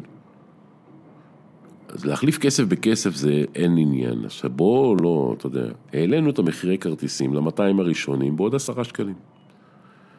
אחרי ה-200 הראשונים העלינו בעוד מה שנקרא 20 שקלים. זה מה שמרשיר אותך עם 80-100 כרטיסים, מקרה הקיצון, בלי בלטם. עכשיו, זה כבר אומנים גדולים. עכשיו אתה מגלה, ומה אנחנו מדברים פה? על 210 שקלים, 215 שקלים, או על 235 שקלים. וזה בסדר. כי כשאתה מביא את ליל דיקי, וכשאתה מביא את רס שהיה אמור להגיע, וכשאתה מביא את, אה, את אה, מילקי צ'אנס, אתה רואה הופעה גדולה, כן? ברמת מועדוני, במחירים של עד 200 שקלים, זה בסדר. כן, זה 60 דולר, זה המחיר. כן, מה? עכשיו, עזוב. עד אז לפני זה היה לנו, היה לנו עם זה. זה נבצר מהרבה הפקות להביא דברים מגניבים, כי הם ידעו שיש לי מעט תקציב למכור. כמה יש לך אלרגיה למשחקים עם המחירים? אתה יודע, בלי להזכיר שמות, כל מיני חבר'ה שמוכרים כרטיס, מתחילים ב-400, ואז אתה מגלה, לפני נמכר ב-90 שקל. תשמע, אני... שזה גם טקטיקה, כן? אין טוב ורע, אני רק שואל מה, מה דעתך על המשחקים האלה. אני אגיד לך ככה, מחירי כרטיסים גבוהים במדינת ישראל זה טיפשות וטמטום של הציבור הישראלי. שמסכימים לשלם? שקודם כל כן. עכשיו בוא, אתה יודע, יש כל המאזן טלפונים שמתקשרים אלינו, תגיד, יש לכם uh, מבצעים? אז תמיד אני, אני שואל, אלא לאיזה הופעה אומרים לי, ואני אומר, אתה, אתה יודע המחיר של המופע? לא. ואם אני מוכר באפס שקל? מה? אני חושב שהציבור הישראלי, סטודנטים סלאש חיילים, כבר למדו את התזה של יש מחיר ל... אני אסביר לך, תפיסת העולם שלי היא פשוטה, מחיר חייב להיות לתת לכולם. כי מה זה חיילים, סדדיר? כל העם שלנו הוא צבא, ומה עם המילואימניקים? הם לא בני אדם, הם לא ראויים ליותר, אתה מבין? ומה עם בני אדם רגילים, הם לא ראויים ליותר? וההורים שלהם מממנים את החבר'ה הצעירים, הם לא ראויים ליותר? זאת אומרת, התזה היא פשוטה, בוא תמכור מחיר אחיד לכולם, תן מחיר של 80, 85, 5, שאתה יודע, מרסרס זה 85 שקלים, אוקיי? זה לא בשמיים. זה לא בשמיים, אתה יודע, אתה מקבל טלפונים, תגיד לי, יש הנחות לחיילים, למה אני אוריד את המחיר? שאתה מוריד היום 17% מע"מ, אתה מוריד היום אקומים, אתה מוריד היום, אתה יודע, אלף ואחד דברים, אחוזים של המועדון, שהוא לוקח מתוך מגמה שכאילו זה הרווח שלו, כי הרבה חבר'ה צעירים שם ואין לך משהו אחר להרוויח. ברור. ו... וזה משגע אותי הדברים האלה, כן, אני... רגע, אבל מצד שני אמרת שאנשים רגילים שלהם יותר מדי. ברור, זה טיפשות. זאת אומרת, יש פה שני, שני קצוות לעניין הזה, מצד אחד מוכנים שלהם יותר מדי, אולי על וניומים אחרים, מצד שני, רבים איתך, שאתה מביא מחיר הוגן, רבים להוריד עוד. מהקהל, אף כן. אחד לא רב איתנו. לא, אז הנה, לא, מה זה רב? אתה יודע, באים לבקש אה, מבצעים וכאלה. זה בודדים, אבל אף אחד לא מהמקום הזה, כאילו, תשמע, יש הרבה מבצעים של אחד פלוס אחד, אתה יודע, בלאומי קארד, זה מה שאני בחיים לא אעשה. למה? כי כדי לעשות אחד פלוס אחד, וזה הצרכן לא משכיל להבין, אנחנו מעלים מחירים למחירים אסטרונומיים, אתה מבין? זאת אומרת, אתן לך דוגמה, אם הייתי נותן מחיר אחד פלוס אחד, בסדר? ב-160 שקלים, נכון? אתה אומר, וואלה, זה, זה 80 שקל, נכון? נכון? נכון. אבל המחיר שלי גם כך, גם כך הוא שקל. אז מה אתה מבלבל? מה אתה מבלבל? מה זה הקומבינה הזאת? זה בדיוק זה, מה? או- אותי מבצע זה קומבינה, אתה יודע, שקל אצל רם, שקל, עוף בשקל אצל לוי. אבל אני לא יכול הרי. להסתכל על עצמי. תקשיב לי טוב, אני אמרתי לך מילה, אם טעיתי באות, אני לא אשן כל הלילה. אני לא מתבייש להתנצל, אם טעיתי. אני גם לא מתבייש לעמוד על דעתי, לא מתבייש גם לטרוק טלפון לבן אדם, כן? אל תנסה לתחמן. באיזה סיטואציה באמת אתה תטרוק טלפון בתח- בתחמנות, שאתה מרגיש שעובדים עליך? תשמע, אה, כן. מי מעצבן אותך? אתה כן, זה כן. בעיה אגב. אתה יודע, בעוונותיי אני גם עונה לטלפונים במועדון. אני גם שומע את הקהל. אז כאילו, אני שומע את האנשים. אז יש, אתה יודע, יש אנשים שזה לא נעים. אתה אתה מ- גם, אבל, אבל שוב פעם, ואתה יודע, גם אנחנו גם מותשים לפעמים. אנחנו באמת מותשים לפעמים, ולפעמים גם אנחנו לא סובלניים, ולפעמים, אתה יודע, לא מבינים אותנו, אתה יודע. אני מדבר בדרך טון שאני מדבר, ואנשים אומרים לי, אבל אתה צועק, אבל אני לא צועק, זה הגודל שלי. כי אני מטר תשעים ושלוש של גודל, מה אתה מצפה ממני? שיהיה לי קול של מה? של אוליב? כן, למי שלא רואה אותך פה כמו שאני יושב מולך, בן אדם גדול. נכון, אז עכשיו, מה העניין? כאילו, אתה צועק, אני לא צועק.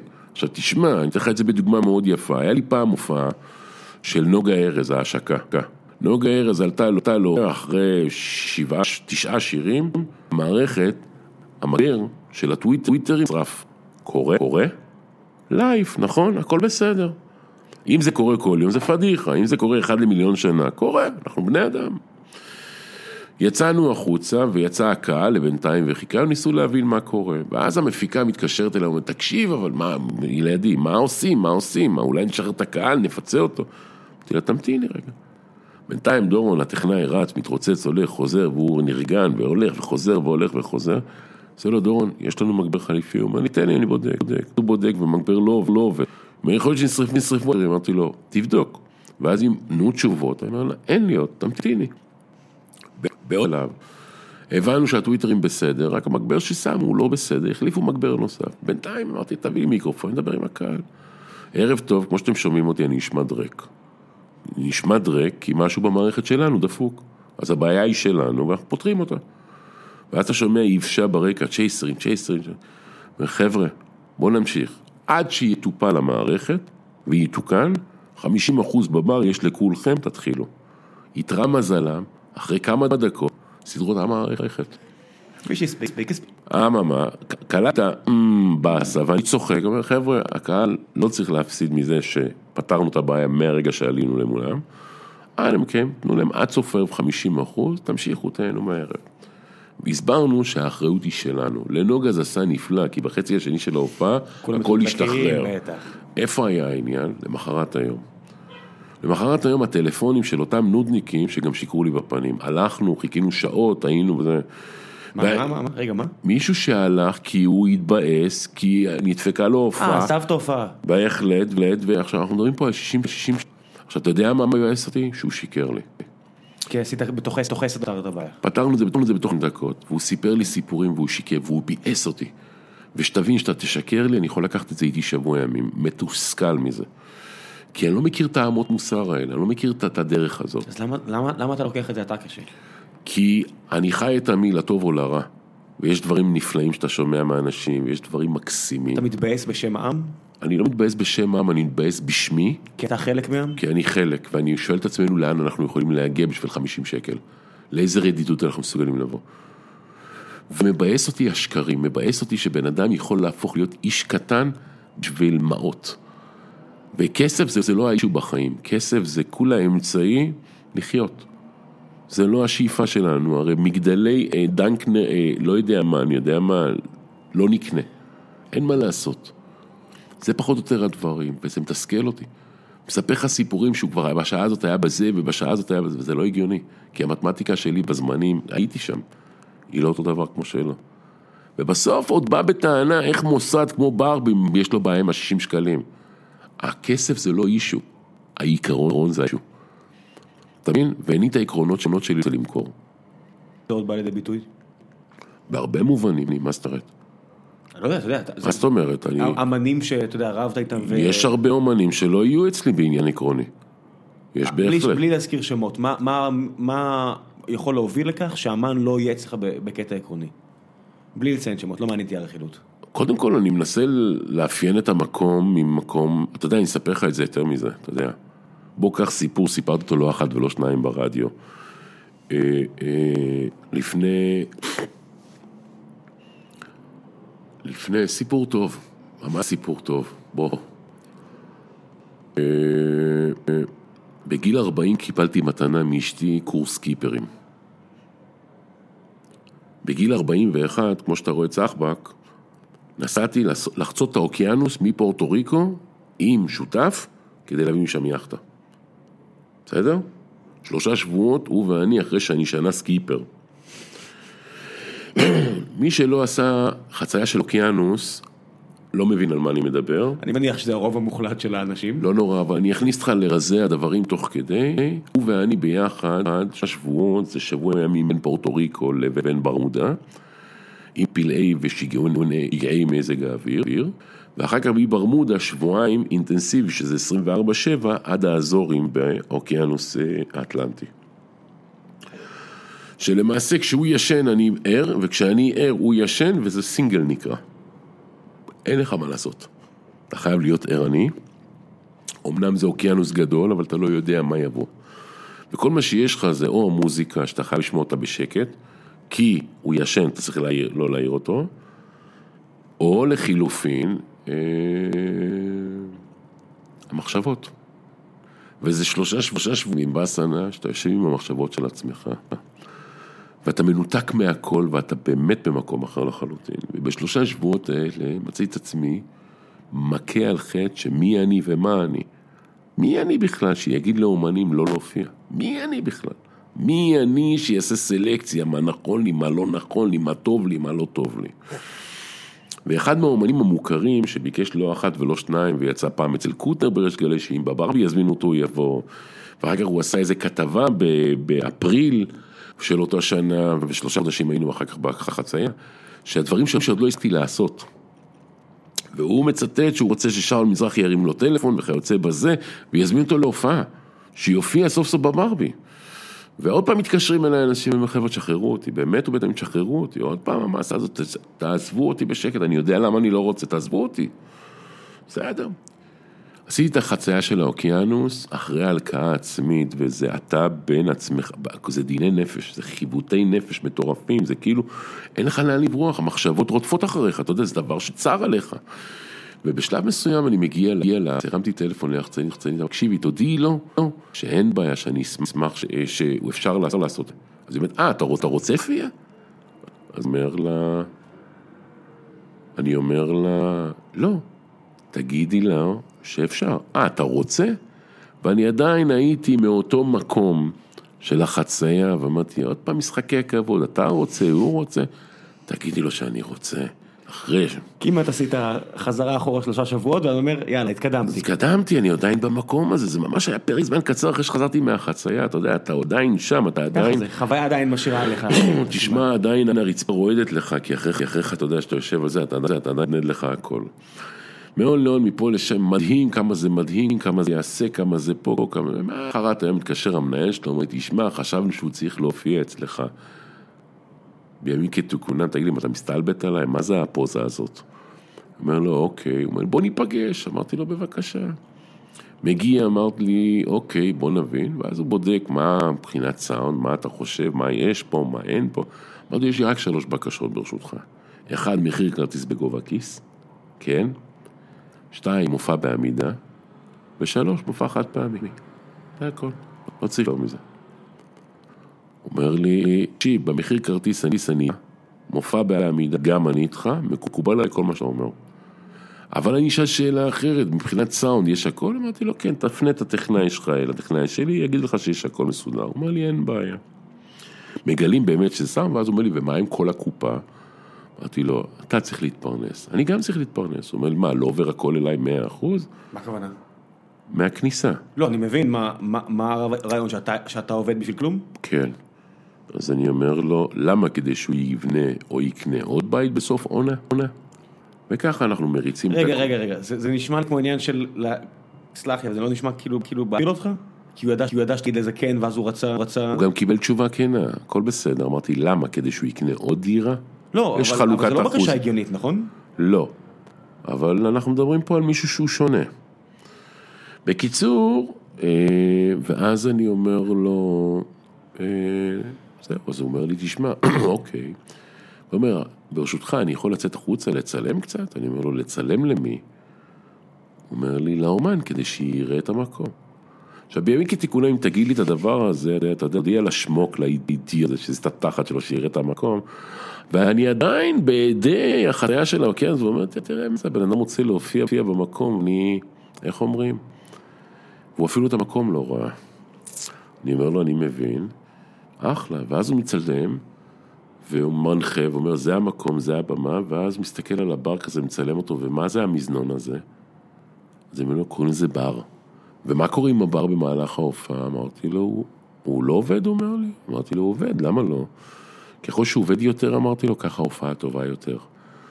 לי, אני מבין, טוב, והלך. תודה רבה, תדאג, תדאג, נחזור אליך, והלך. כמה ימים אחר מחר שקע כל האוקיינוס, אמרתי לעצמי, ריבון העולם, מי עשיתי? איזה טעות עשיתי. ההופעה לא התקיימה. ההופעה לא נעשתה. אתה ביטלת? לא. הם בשלב מסוים, הרי האומן בתפיסת עולמו, הוא לא רצה להופיע, הוא רצה להרגיש נאהב. הוא רצה להרגיש מחוזר. וכשאמרו לו אוקיי, אז הוא הרגיש רם במעלה. עכשיו, אני ידעתי מה האופי של האומן. אני ידעתי מי הוא ומה הוא והכל. אני ידעתי את הכל. רק אותה תקופה, החיבוטי נפש, הסערה, הייתי בה דאז באוקיינוס, המקום שחטאתי אליו, עיקהו את עיניי וחושיי. מהר מאוד חזרתי לסורי, ומהר מאוד חזרתי לדעת שלא אני עושה עוול לעצמי, אלא אני, החומות שלי, שמגנות עליי, אותה קליפה, שומרת עליי. אתה בעצם אומר, פיתחת אינסטינקטים טובים ולמדת לסמוך עליהם. אם הם טובים או לא טובים, אני עוד לא יודע, יכול מאוד להיות שכן, יכול מאוד להיות שלא. אני, לטעות ולטעות זה חלק ממהות, אבל... כן, אבל לגבי אבל- ספציפי, לגבי האנשים, תודה רבה לו. שחרר, שחרר. ואני גם לא מתבייש, מתבייש להם את זה. אני לא ייווצר מצב בעיניי כמקום שיתייחסו אליי, אליי כסקנד בט. מי- מישהו יכול לבוא ולהגיד סליחה על התנהגות עבר ושכן תקבל אותו? אני, אני, אני תמיד אקבל התנצלות. לעולם אני, לעולם אני לא, לא יושיט יד ליד מושטת לך, כי בעיניי זה הביזוי הכי גדול. זאת אומרת, אין אף אחד ששרפת ליום, אתה רק רוצה התנצלות אם מישהו פגע בך, זה הכל. ופגעו בי, לא אחת ולא שתיים. אבל מי שפגע בי זה נשאר לך לכל החיים. אתה הבנת? ואני אם פגעתי במישהו לא התביישתי להגיד, ב- ב- לא במזיד, לא התביישתי להגיד סליחה. אני לא מתבייש להגיד סליחה. יכול להיות שלמשל מקרים, מקרים לא אמן, אלא מישהו שמייצג את האמן, ואתה יכול להגיד לאמן, תקשיב, מייצג אותך גבר, איזה- איזה גבר, איזה טמבל. גבר, נו. 20, 24 שנה אעשה את העבודה שלי, אני מכיר כל חור, כל נבט, כל קמת בכל התעשייה הזאת, אני מכיר מי מושך בחוטים, מאיפה זה בא, תקשיב לי טוב, אני יושב רגל על רגל במשרד, והכל מגיע אליי. ולא שאני יוצא החוצה, אני יודע הכל כולל הכל, שלא יספרו לי סיפורים. היה לא מזמן סיבוב של להקה שעשתה אצלי בעבר מופעי עמידה, ולימד אותם מה זה לעשות מופעי עמידה. לקחו אותם ועשו איתם סבבים וכיוצא בזה. כשגמרו לעשות איתם את הסבבים, הרים לי טלפון יום אחד, וברבי לא היה כמובן. כי ככה זה היה, ולא קרה, קרה כלום. זה לא קיים, לא קרה כלום, כלום, בסדר גמור. ויום אחד אני מקבל איזה טלפון מאותו מנהל של האומן הזה, הוא אומר לי, מי זה? הוא אומר לי, ככה וככה. אני אומר לו, ומה אתה רוצה? להופיע. אתה אתה לא מתבייש? אומר לי, למה? לפני שנתיים בלבלתם לי את המוח שאתם רוצים לעשות את ההופעה הזאת, אחרי הלוך חזור, הלוך חזור, הלוך חזור, בלבולי ביצים, ביטלתם אותה באיזה אצטלות של איזה סיפורים מפה עד הודעה חדשה, ובדיעבד גיליתי שאתם עושים את אותה הופעה בזאפה, גם שיקרתם לי וגם אתם רוצים אמון? אמרתי לו, אז על זה קודם כל לא. דבר שני, תודיע לו, תודיע לו מה? כן? שמי שלא דואג, דואג לחשוב על המקום בסיבוב של הלהקה, הקשה, המקום לא יכול לחשוב עליו לא בזה ולא בזה. להתראות לך, תודה. יש עניין של בלעדיות בתחום? אצלי לא. לא מפריע לך שמישהו, נגיד פעם בזאפה, פעם בפורום בבאר שבע, פעם אצלך, אצלי לא, אין לי בעיה של... לאחרים יש בעיה איתך? לאחרים בטוח שיש בעיה. למה? כי אני אסביר לך למה, כי... אני שואל באמת בתמימות, לא... בוא, בוא, לעולם לא הגבלתי בן אדם, אבל קח מרחק בין הופעה אחת למשניה, הרי ההצלחה שלך היא הצלחה שהיא חשובה לכולנו, בכל מובן שהוא, נכון? כבעלי מועדונים. כל דבר, כל דבר, בחייך, אוקיי. אם, אם אתה עושה שוני בקיץ, אתה חודשיים לפני זה לא, משרדים מסוימים, הפקות מסוימות, לא עושות בכלל תל אביב. כדי לא- ולמה? כדי לא לשרוף את הקהל. כדי לא לשרוף את האומן, כי ההוצאות שלך הן כבדות שם. עכשיו, אני בשלב מסוים, כאילו, נגנבתי מזה. הרי מה קורה? אתה הולך לשוני, לכאורה אתה טוען שזה פריפריה, נכון? אבל זה לא פריפריה. ואתה מייצר שם מופע שהוא פסטיבל שלם, ובגלל שההוצאות שלך שם הן כבדות מאוד, אז אתה לא עושה הופעות לא בתל אביב חודשיים לפני, ולא מה שנקרא חודש וחצי, חודשיים לאחר מכן, שלא יפריע לך, נכון? ככה עובדים כולם לכאורה. ובשלב מסוים הבנתי, הבנתי, הבנתי, הבנתי, והפסקתי לקבל את זה. לא ייתכן, ייתכן שעם אומן, סתם דוגמא, קח קח דוגמא כזאת, קח ג'ירפות, לא שזה היה. אתה עושה דרך עם הג'ירפות ובונה את זה כל חודשיים. אתה מייצר מה שנקרא קיבעון והתמדה כתפיסה. ואז נוצר מצב שאתה עושה מופע חגיגי בשוני. עכשיו, זה לא חגיגי, אתה מביא מלא אורחים, כי לבד הם לא מסוגלים להכיל את זה. אין להם את הקהל לגו- לגודל הזה. אין להם, כאילו, זה לא, אתה יודע, ברבי זה קהל, אתה יודע, אחרת. עכשיו, מה קורה? אתה גם מביא מחיר כבוטיס גבוה יותר, סבבה? וגם אתה מביא אורחים. עכשיו, מה יקרה? קח דוגמת ג'ירפות, אורח בלקן ביטבוקס ואורח דודו טסה, אוקיי? דודו טסה בברבי לבד זה sold out, out, הביטבוקס בברבי זה ברבי זה out, ג'ירפות בברבי לבד זה sold out. אז מה לקחת? לקחת את כולם ביחד למופע אחד, נכון? מה עשית? אתה למעשה מקטין את המועדון. אתה מקטין את המועדון ומקטין את עצמך, נכון? כאמן וכ... בהחלט. עכשיו, מה קרה? כולם יוצאים מחוץ לתל אביב לעשות את ההופעה שם, מכריחים את הקהל מהמרכז להגיע לשם, ויש לך פה איזה עלייה וקוץ בה. אז פעם הבנתי את התמונה, קיבלתי וכיבדתי אותה. עכשיו, אפילו, אתה יודע, צחקתי על זה. זה. אני אחד-אחד בנפצי סולד אאוטים, מה אני צריך את כולם יחד. ואנחנו לא שונים כמעט בתפיסה ובראייה מבחינת גודל, 200 איש לכאן או לכאן, אבל זה בטל ב-60 כיוון שאין להם סאונד הגברה ותאורה, אז ההוצאות שם הן כבדות יותר. והתחלתי לצחוק על זה, היום אני לא יכול לקבל את זה. מאיזו בחינה? זאת אומרת שאם אתה פותח קופה בתל אביב, תפתח גם קופה בשם. אתה לא, אני, אני מתרעם מהמקום של קהל גם. תן לקהל לבחור איפה הוא יהיה. הבנת? אין מספיק קהל מחוץ לתל אביב כדי לשרת את המקומות האלה בלי הקהל התל אביבי וקהל בתל אביב בשביל הקהל. הקהל התל אביבי הוא בטל בשישים, ידידי. ידידי.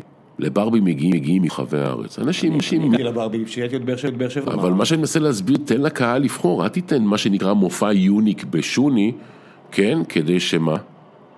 זה חלק מהבעיות שלנו פה היום. הרי מה קורה? אתה מייצר איזושהי דרך מסוימת. קנבליזציה של השוק, אתה אומר? יש הרבה, כן. לצערי הרב, אנחנו נמצאים היום בכל הופעה שהיא פחות או יותר הפכה להיות פסטיבל אחד גדול. שמ- שמביאים אורחים אחרים. לצערי, אתה יודע, יום אחד שאל אותי אומן, למה אני מתרעם כל כך על האורחים? אז אמרתי לו שעשרה גברים יעשו סקס עם אשתך, היא לא תסתפק בך לעולם. וככה הקהל גם. בסוף של דבר, כשאתה מרגיל קהל לעשרה, שלושה או ארבעה או חמישה אומנים, הוא לא יסתפק באומן. הפכנו להיות מדינת פסטיבלים, איך אתה לא מסתכל על זה, ולמה? כי הם לא מסוגלים להכיל את זה לבד. השוק שלנו משתנה יותר ויותר, והרבה אומנים הופכים להיות לא רלוונטיים עם השנים יותר ויותר. כי הם לא מסוגלים להביא אורחים? לא כי הם לא מסוגלים להביא אורחים, כי הם מפחדים מהדרך. תשמע, פעם היה לך שירים בגלגלצ שמינפו אומן לתקליט זהב, ומינפו אומן למודעות הקולקטיבית. גלגלצ עם השנים נחלשה, היא עדיין חזקה ב... באחוזי ההשמעה שלה, אבל בהלבעה שלה היא נחלשה עד מאוד מאוד. מה, מה, השטח חזר לנח, ובגדול. זאת, זאת אומרת, אתה מצליח בשטח, אתה קודם על זה הרי, נכון? אין כרטיסים להשיג, ואם זה sold out וכולם דורשים כרטיסים, אתה יוצר באז, נכון? ככה זה עובד. איפה הפרדוקס הכי גדול? שבשלב מסוים אנשים מחפשים את הקיצורי דרך. עכשיו, מה קרה? הם לא מסוגלים לבוא ולפתוח קופה ולבנות עצמם. פורטיס עשה תהליך כזה, שלום עשה תהליך מדהים כזה, אה, Full Trunk היום בצעירים עושים את התהליך הזה, אה, טונה עשה מהלכים מבריקים, נצ'י עשה בעברו רחוק את התהליכים האלה.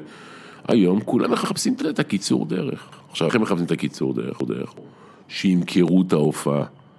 לוועד עובדים כזה או אחר, ואנחנו נראה איזה הופעה בשרונה או שתי מטר, כן? באיזה דוכן מסריח, שהוא ביזיון בכלל לעצם העמידה של האומן על הבמה, כן? או שפשוט, אתה יודע, אנחנו נלך ונביא מלא מלא אורחים ונגיד לכולם עשינו סולד אאוט. כן, אבל לא אתה עשית סולד אאוט, וזה בדיוק האורחים שלך. הביאו. בול. אתה מבין לאן? אז השקר הוא הפך להיות גלוי. ראה דוגמה אביב. גפן דוגמה, אין לו הופעה שהיא הופעה, סתם, עשיתי עכשיו הופעה רגילה. תמיד מופע לרגל מה, לרגל זה, זה, טייטלים. אתה חושב שהוא מפחד להצליח להביא את הקהל? ברור, איזה שאלה זאת, אנחנו, אנחנו, עניין של זמן עד שזה תקשיב, מה שיקרה בסוף, האומן יישארו במכורות ופחות בפתיחת קופות. והם ינסו להמציא את עצמם מחדש, אבל מה קרה? יש לך היום דור חדש שמגיע, כן, של צעירים, שזה כבר לא מעניין אותו האומנים האלה. לא מעניין אותו, וזה מה שצריך להפחיד את כולם. כי עוד שנה, עוד שבוע, עוד חודש הם יפסיקו להיות רלוונטיים. ומה קורה פה? בסופו של יום, אתה יודע, כמה אפשר להסתמך על הקהל המבוגר? כמה אפשר לטחון אותו? הרי תקשיב לי טוב, גליה עטרי במקרה הספציפי, סתם דוגמה, זה לא, זה לא, כן, אבל סתם כשהוא סמן. כמה אפשר? כמה אפשר, אפשר ועוד ועוד, אתה מבין מה? מבין מה? עכשיו בא, בא גל חד של דור חדש. שמע, אני מתבאס מאוד, אני רואה כבר, לא יודע מה, 10-15 שנה הופעות ב- בתל אביב וב- ובאזור של להקות, שאני מאוד חבל לי שלא, להקות כמו בוקרסט, שאני חושב שאפילו ראיתי אצלכם פעם אחת, מאוד מבאס אותי שאין להם יותר, יותר קהל. תשמע, אנחנו לא קוסמים. לא, אין, אין מה לעשות, אתה יודע, התרבות זזה לצד אחר, אין לי... לחלוטין, אבל אנחנו לא קוסמים, צריך להבין שבאמת אנחנו עושים את כל מאוויינו, אנחנו נותנים מחירים בגובה כיס, בסופו של דבר, אתה יודע, יש אומנים שלא יצליחו. פיינשטיין במשך שנים על גב גבי שנים, ידענו הצלחות, ידענו אכזבות, ותשמע, בשלב מסוים אתה מוותר כבר, אתה יודע, כבר עושה את זה 200 שנה את הלהקה הזאת. והיא קיימת עוד מהברבי השני, אתה מבין מה אני מדבר? אתה חושב שאתה היום מסוגל להבין אה, מי יצליח ומי לא? יש לך איזשהו אינסטינקט כבר? תשמע, אני בשוק שהולך ומצטמצם בסך הכל מהבחינה של רוקנרול, אז שאני אני- לא אומר שרוקנרול מת, כן, אני, חס אני, וחלילה. אני אענה לך את זה במקום אחר. לפני כמה זמן הגיע איזה מישהי ואומרת, אתה יודע, עשיתם סוג של branding כמועדון. אם פעם הוא היה, או הכיל, מופעי רוק של מזדקנים, היום הם מזדקנים, כן, הוא מקום, מקום ודרך, צעיר, דינמי, שמוביל מהלכים. עכשיו, אתה שואל אותי אם זה מהלך מחושב? לא. אתה שואל אותי אם זה מהלך שאמרתי, זה ככה אנחנו הולכים? לא. זה מהלך שעם הזמן אתה פשוט מבין שזה כבר לא רלוונטי לך. זה כבר לא, אתה לא רוצה את זה, זה כבר לא מעניין, ואתה בונה את עצמך ממקום שונה ואחר. עכשיו, אה, אם אני טובה דרך, אני חושב שכן. אם אני יודע, אף אחד מאיתנו, הנבואה ניתנה לאותים. מוזיקה שחורה בארץ, אתה ראית את זה מגיע? אתה, אתה הרי, יודע, אתה היית שם כשזה התחיל, אירחתם הופעות בתחילת הדרך, אמרת טונה, אמרת נצ'י, היה עוד לפני כן, אתה יודע שהדג נחש התחילו כבר היה, כבר הייתם בעניינים פחות או יותר בזמנים האלה. אתה ראית את זה הולך ומצ... וצובר תאוצה? כן, ראיתי את נצ'י לפני ארבע שנים בברבי, בשלב מסוים כבר הפסקתי לראות אותו בברבי, אמרתי לו, תעזוב, אנחנו לא מסתדרים. אחרי שהוא כבר נהיה נצ'י. מה, ברמה האישית? כן. והיום- עלה לו הפיפי לראש? לא, אנחנו לא מסתדרים, הוא ואני מסתדרים, כל המסביב שלי שלו לא מסתדרים, וזה בסדר, בסדר, טימי, האנרגיות לא טובות, טובות, נשאר חברים, תניח לי. אבל, אבל אני אגיד מה כן עשיתי. לקחתי מצ- מצד שני טונה, ו, ו, ומה שעשיתי, הגדלתי את טונה בברבי. למה? כי אם הייתי שם את נצ'י, את טונה, את ג'ימבו ג'יי, את פלד, את, אה, אני לא יודע מה, את אורטגה, כן? זה כל הכנופיה. כן, לא הייתי מייצר שום יוניק. הבנת? מה עשיתי? לקחתי רק את טונה. הבנת? זהו. עכשיו, אנחנו לא מחפשים מאותו דבר 200 איש, 200 אומנים. לא. אני חושב שחלק מהתהליך, תהליך שלנו כעשייה באמת ה schedule, תקשיב, אני אתן לך את זה בדוגמה מאוד יפה אחרת. אם הייתי עכשיו לוקח איפה הילד, מוניקה סקס, מופע ארנבות, נקמת הטרקטור, ערן צור, עם כרמלה גרוס ואגנר, לא יודע מה. מה, 95-96 כזה? לא, סתם דוגמה, באותו חודש ב schedule. מישהו... אה, אתה אומר, אפילו עכשיו? כן, כן, הרי זה קיים ה booking הזה. חשבתי שאתה מדבר איתי לפני 20 שנה. לא, לא, אבל זה קיים ה booking הזה, אגב. אם הייתי לוקח את כל הדבר הזה, מישהו היה יוצא חזק יותר, גדול יותר, לא.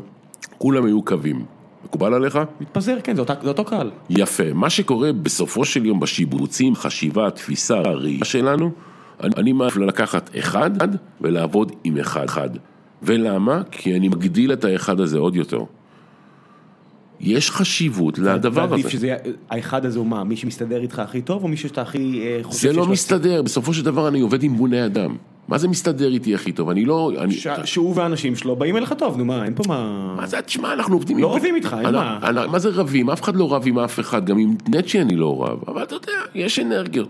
אני עובד. ככה. תשמע, אני בא ואומר דבר פשוט, אני...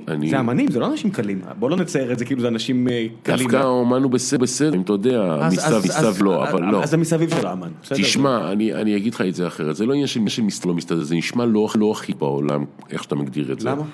תשמע, אני עובד מול בני אדם. רגע, מה הבעיה במה שאני אומר? רגע, אני אסביר לך. אני מנהל עסק, ואני מנהל עסק שהאישו שלו, כן, זה בני אדם. ובני אדם עם אגו גם, אל תשכח. ומה שאני רואה בבלנס, ומה שאני רואה בבקסטייג', כן, אתה לעולם לא תראה את זה. אתה בא בקהל, אתה תראה רק חיוכים ונינוחים. בטח. זאת אומרת, אני מכיר אותם מרבדים אחרים לחלוטין. עכשיו, כשאני קולט שאני לא פעם ולא פעמיים מתבאס, משהו מרגיש לי לא טוב, אני רוצה לעשות cut-off לזה. אני רוצה לעבוד עם, תקשיב, עם בן אדם שהוא בן אדם לעבוד, זה, זה, זה, זה, זה אוויר פסגות בעיניי. זה חלום. עכשיו, עבדתי עם לא מעט אנשים שאתה יודע, יצרנו, בנינו, עזרנו, תמכנו. והם יצאו חארות הכי גדולות שבעולם. אתה יודע, אם הייתי כותב אי פעם ספר על כל מה שחוויתי מהאנשים ואת הפרצוף האמיתי של הרבה אנשים מאחורה, מה עוצר אותך? אנשים...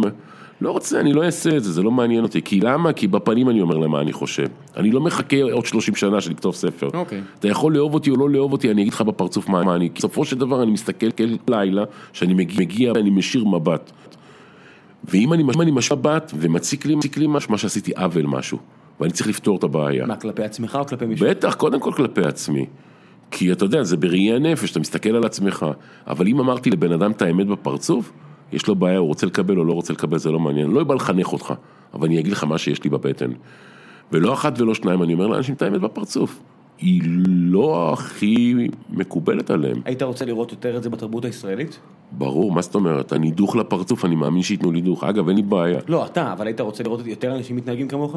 הלוואי, הלוואי, הלוואי, תגיד לי מה לא בסדר, אין לי בעיה, אתה יודע מה, ואם, ואם תגיד לא בסדר ואני ארגיש, ארגיש שזה בסדר, אתה יודע, אין לי בעיה. זאת אומרת, יש, אני, אני יצא לי לעבוד הרבה עם אמריקאים, וזה בדיוק ה-180 מעלות עם מה שאתה מתאר. אמריקאים זה עם ריקה, זה הדבר הכי צבוע עלי אדמות, זה פח של הפחים. זה התרבות, התרבות היא להגיד לך הכל טוב ולא להחזיר לך טלפון. זה כל הסיפור, אני כן חושב שאנחנו צריכים להיפתח, להגיד, להרגיש שאנחנו אומרים את מה שיש לנו בלי לחשוש, וגם לדעת לקבל כאילו בהתאם. כשאתה רואה את ברקו עכשיו בטלוויזיה, אתה אומר, או, טוב לי. מינוס הדברים הרעים שלו, אני אומר. זה לא עניין של טוב לי, אני חושב שזה, הוא שואל שאלות נכ- נכונות טובות, ואין לי בעיה עם מצוינות. מצד שני, אתה יודע, הצד שכנגד, זה סתם דוגמה, קח את זה שהוא עשה, דיברתי על זה גם שבוע, שלא ייתכן שאתה מביא, אה, אה, אופירה מביאה את אייל גולן ולא נותנת לברקו לשאול את השאלות, והיא מסנגרת עליו, וזה הרגיז אותי. כי או שאת חבר מערך... מאוד טוב שלה. זה לא לא. אז אל תביא. נכון. אל תביא, כי את יוצאת פתטית מכל הכיוונים, ובסופו של דבר גם השאלות שהוא שאל זה שאלות מה רצית שהוא יגיד לך, לא הפסקתי עם הדברים האלה? דה. אבל אה, אני... אתה מעריך את הניסיון שלו. של מי? של ברקו להביא גישה כזאת לטלוויזיה. לחלוטין אני בעד, אתה יודע, לא אוהבים את הכנות, ואתה יודע, כל, כל הפיק- פה, ה political, political, כזה, שבא לידי ביטוי ממקום של, תשמע, כן, תשמע, אני אין לי בעיה, אני מאמין בתפיסת עולמי, שעדיף אי נעימות של שלוש דקות, מאשר מאכולת בלב של שלושה ימים או ארבעה ימים. אני באמת מאמין בזה. אני מאמין שאם אני אגיד לך בכנות מה אני אומר, ואתה יודע, אני לא מתבייש.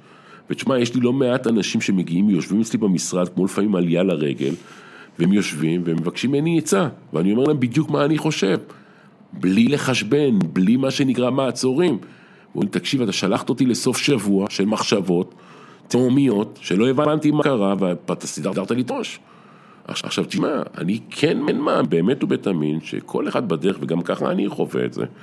אתה הרי מכיר את הבחור הזה שהיה מאמין גדול, והלך לטבוע והוא בנהר ומתפלל אלוהים, אלוהים, אלוהים, תעזור לי, תעזור לי, ובדרך הוא רואה איזה ענף משתלשל לו מהנהר והוא לא תופס אותו, וממשיך לצעוק אלוהים, אלוהים, תעזור לי, ואז הוא רואה איזשהו בול עץ ככה מגדל כאלה, הוא תעזור לי, ולא נוגע בו, ואז בשלב מסוים מגיע איזה בן אדם עם סירה, הוא אומר, תעלה, אלוהים יעזור, בסדר, טבע, עולה לשמיים, אומר לו, מה? אומר לו, אלוהים, שלחתי לך כל כך הרבה זמנים, היית רק צריך לאכול. אני באמת מאמין, ככה עובד החיים.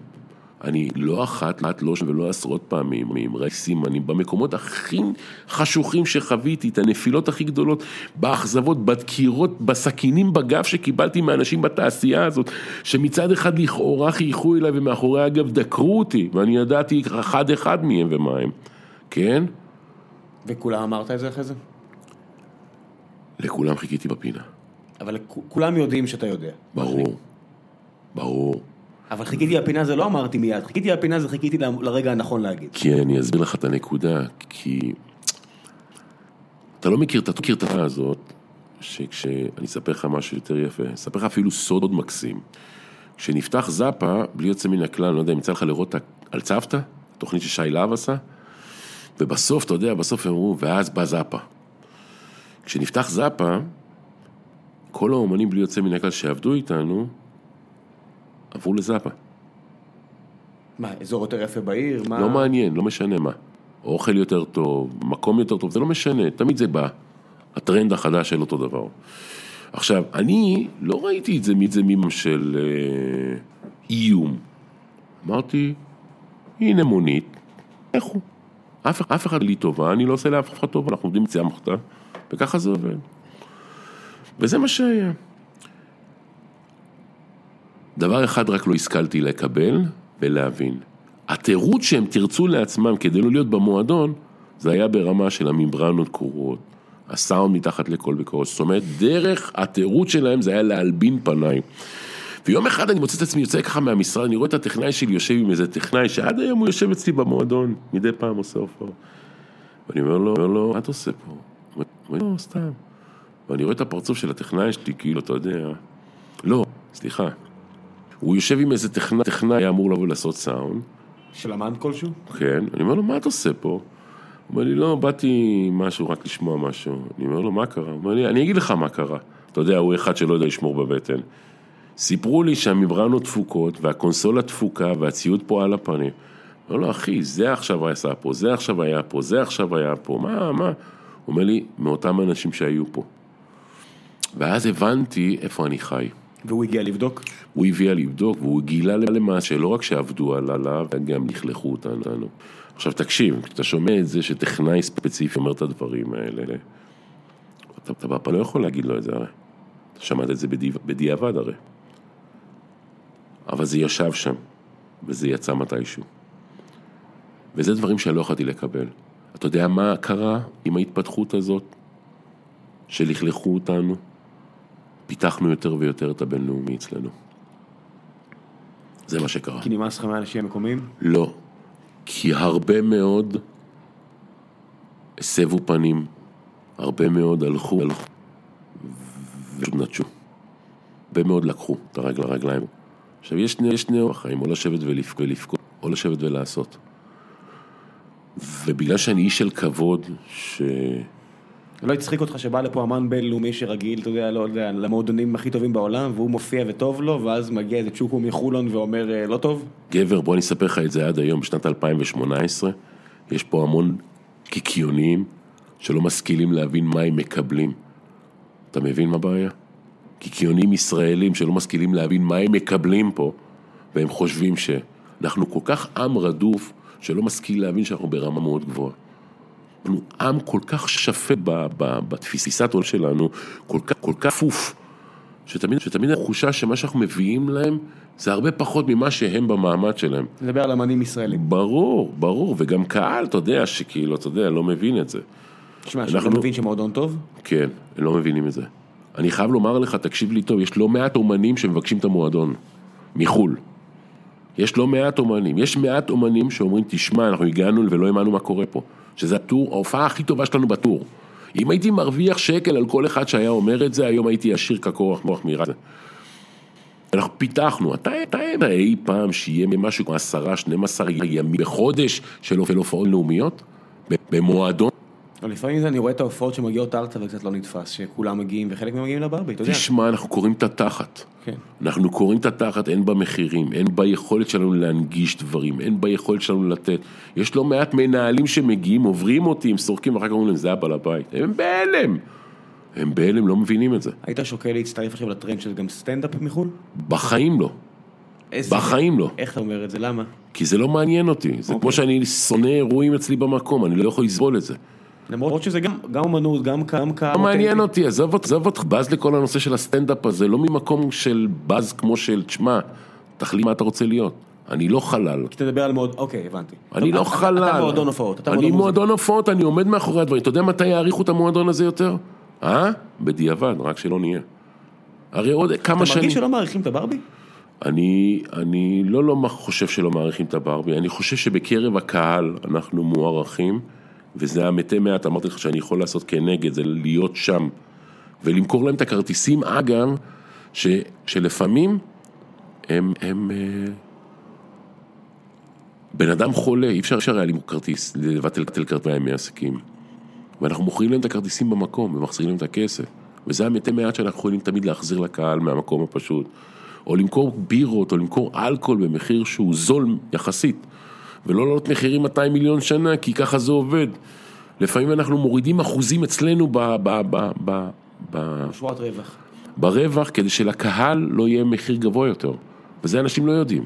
אבל אני חושב ש... לא יודע, אתה יודע, לפני שבאת, אז דיברתי פה עם אה, אחד, שני חבר'ה שעובדים איתי פה, ואחד מהם אמר, הייתי בבר בירה בירה אחת, וכולם בחדר, בחדר, רק פעם אחת, אחת, וזה לא תגיד קהל של הופעות, אתה יודע, מאיפה מג- מאיפה מגיעה התחושה שלך שלא, שלא מעריכים? כי אני אסביר לך משהו. אה, אמרתי לך, התחלתי וקטעת, הקהל מקבל, הקהל מכבד, הקהל מצביע ברגליים.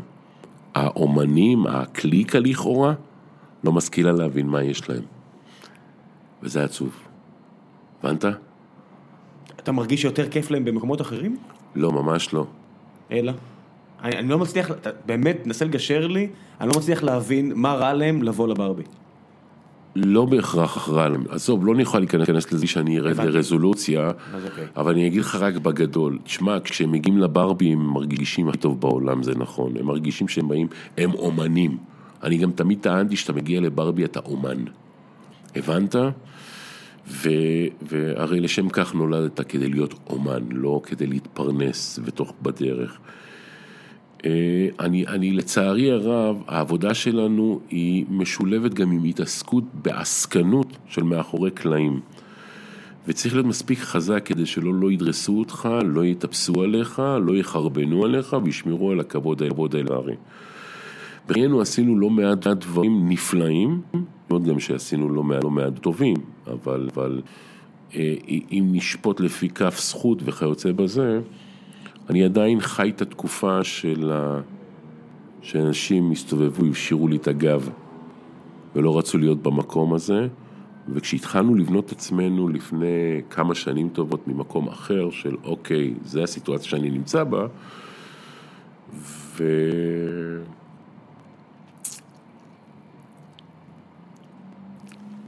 פשוט בנינו פלטפורמה חדשה, חדשת,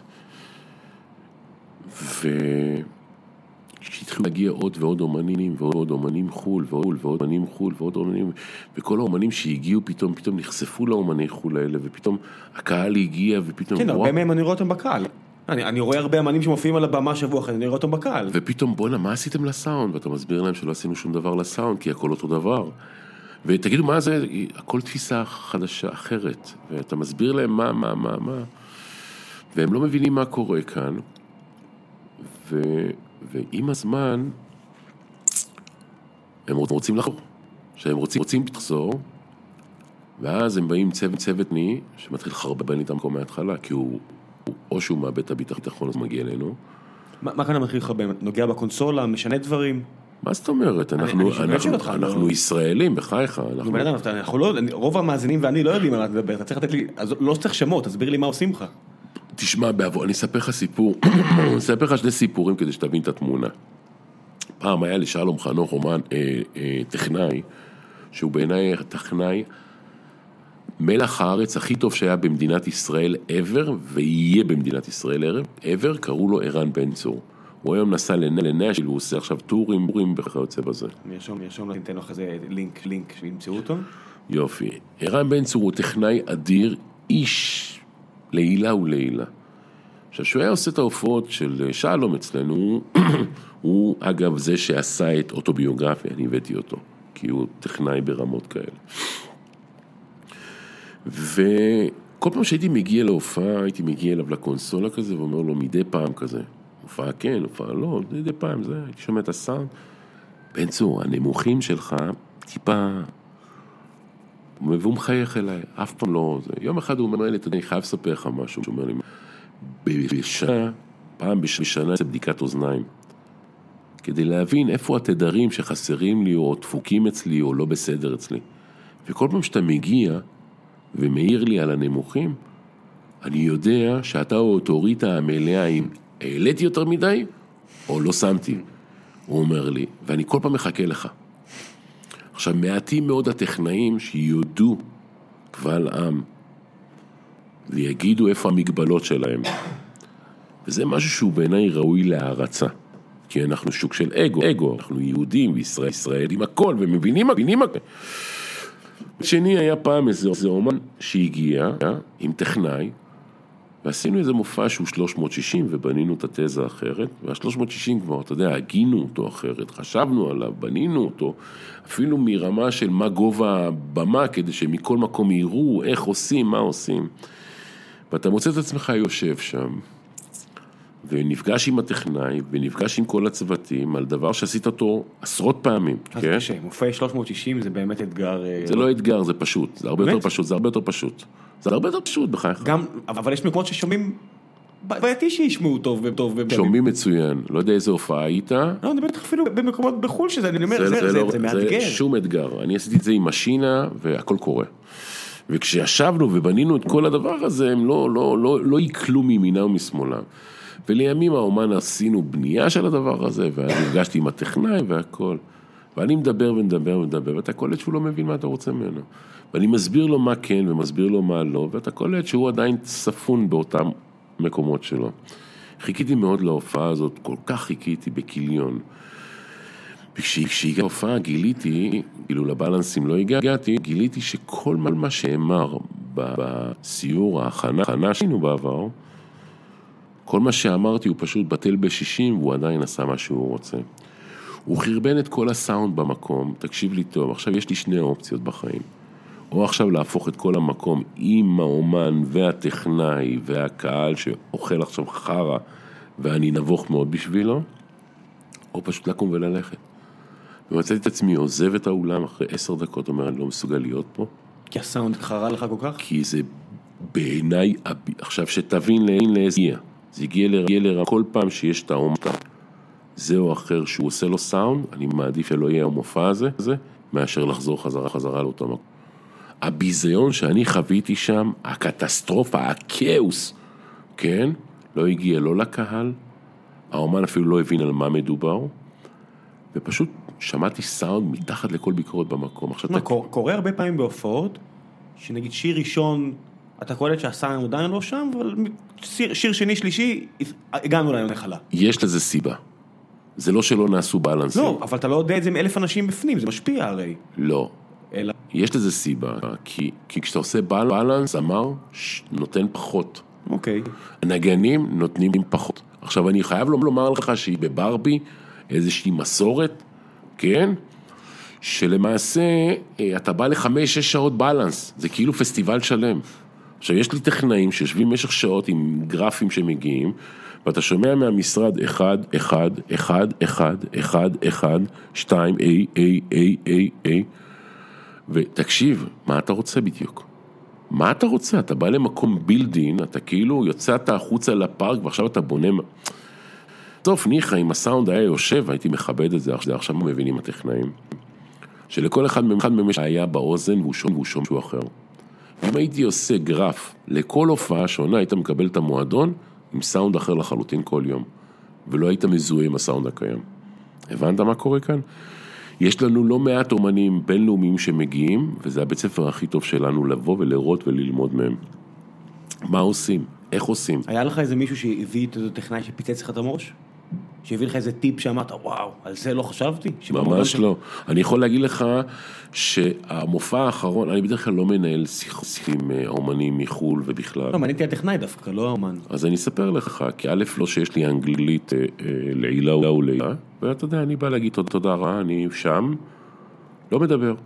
אתה יודע, כל אחד עושה את העבודה שלו. אני לא צריך להיות חבר שלהם, אתה יודע, אני לא בא ממקום של מעריץ גם. הגיע אלינו חוזה גונזלס. ובפעם האחרונה שהגיע חוזה גוזל זה היה שלושה ימים אה, אה, למופע בגלל ההצלחה ובגלל הביקוש. וביום השלישי, כל מה שעשיתי, הם ביום השלישי באו ורצו לצלם כדי שיהיה להם קליפ מהברבי לכל הזה, ואמרתי בסדר גמור. וביום השלישי, כל מה שרציתי, רציתי לזה, בסוף נכנס, נכנס, תגיד, תודה רבה רבה לך, ולהיפרד. זה הכל, כמו מארח, לגיטימי. תפס אותי הטכנאי שלו קרוב לאיזה רבע שעה, עשרים דקות, ולא מפסיק להרעיף תשבוכות על המקום. אנחנו הופענו בכל המקומות. כל פעם שאנחנו מגיעים לפה, המקום פשוט משדרג את עצמו עוד יותר, והופך להיות עוד יותר ועוד יותר טוב. זה נכון? אתם באמת עושים את השינויים האלה? תקשיב, אנחנו... או שהוא פשוט אה, מתלהב כל פעם מחדש? לא, אנחנו... אה, אין דבר שהוא מובן מאליו. זה בטוח, אבל אני שואל אם באמת אתם עושים שינויים... אה, כל הזמן, אנחנו כל הזמן עובדים. זה דברים דינמיים, זה דברים שאתה יודע, משתנים. כי מערכות אנלוגיות נהרסות? כן, כי, כי, כי הן צריכות תחזוקה, הרבה גדולה. כן, כן, כי, כי לוחות התאורה שיש לנו במקום משתנות לדברים יותר עתקניים. כן, כי הבאנו קונסולה של אקסל 4, מיידס, שבהרבה מקומות לא קיימת בעולם, וחלק ניכר אגב מטכנאים לא יודעים להשתמש בזה גם לצערי הרב. והיא קונסולה אנלוגית מאוד מאוד מדויקת. וכן, כשמגיעים טכנאים מחו"ל הם הולכים לאיבוד עם כל הציוד הקיים. וכן, יש לפעמים דברים שקוראים לזה בלאי, זה טבע הדברים, המערכות האלה עובדות 20 מלא שעות, אתה יודע. ו- ו- ו- וכן, אתה חייב כל הזמן לשדרג, לעבוד, ולא מקלים ראש, והמוניטור טובים צריך להחליף, והציוד טוב זה, זה, והרבה דברים, זה בסדר, זה, זה אין מה לעשות. זה, בוא נפנה טיפה, אבל זמן אה, לשאלות מהקהל, בכל זאת אה, חיכו לך פה, תמיד יש לנו עניין כזה שלפני שאורח מגיע, אני נותן 24 שעות לפני, אני אומר מי מגיע, ו... לתת קצת הזדמנות לקהל לשאול שאלות, וראו שאתה הגעת ויש פה, נראה לי איזה 100 שאלות, אנחנו לא נענה על 100 שאלות, ניתן נבחר קצת מפה, קצת לתת הרגשה לקהל גם להיות מעורב בפרק, ברשותך. אה, אז אה, גיא גולן שואל, מה הז'אנר שאתה הכי אוהב לארח, ואיך היית מדרג את קהל המטאל הישראלי לעומת קהל המיינסטרים?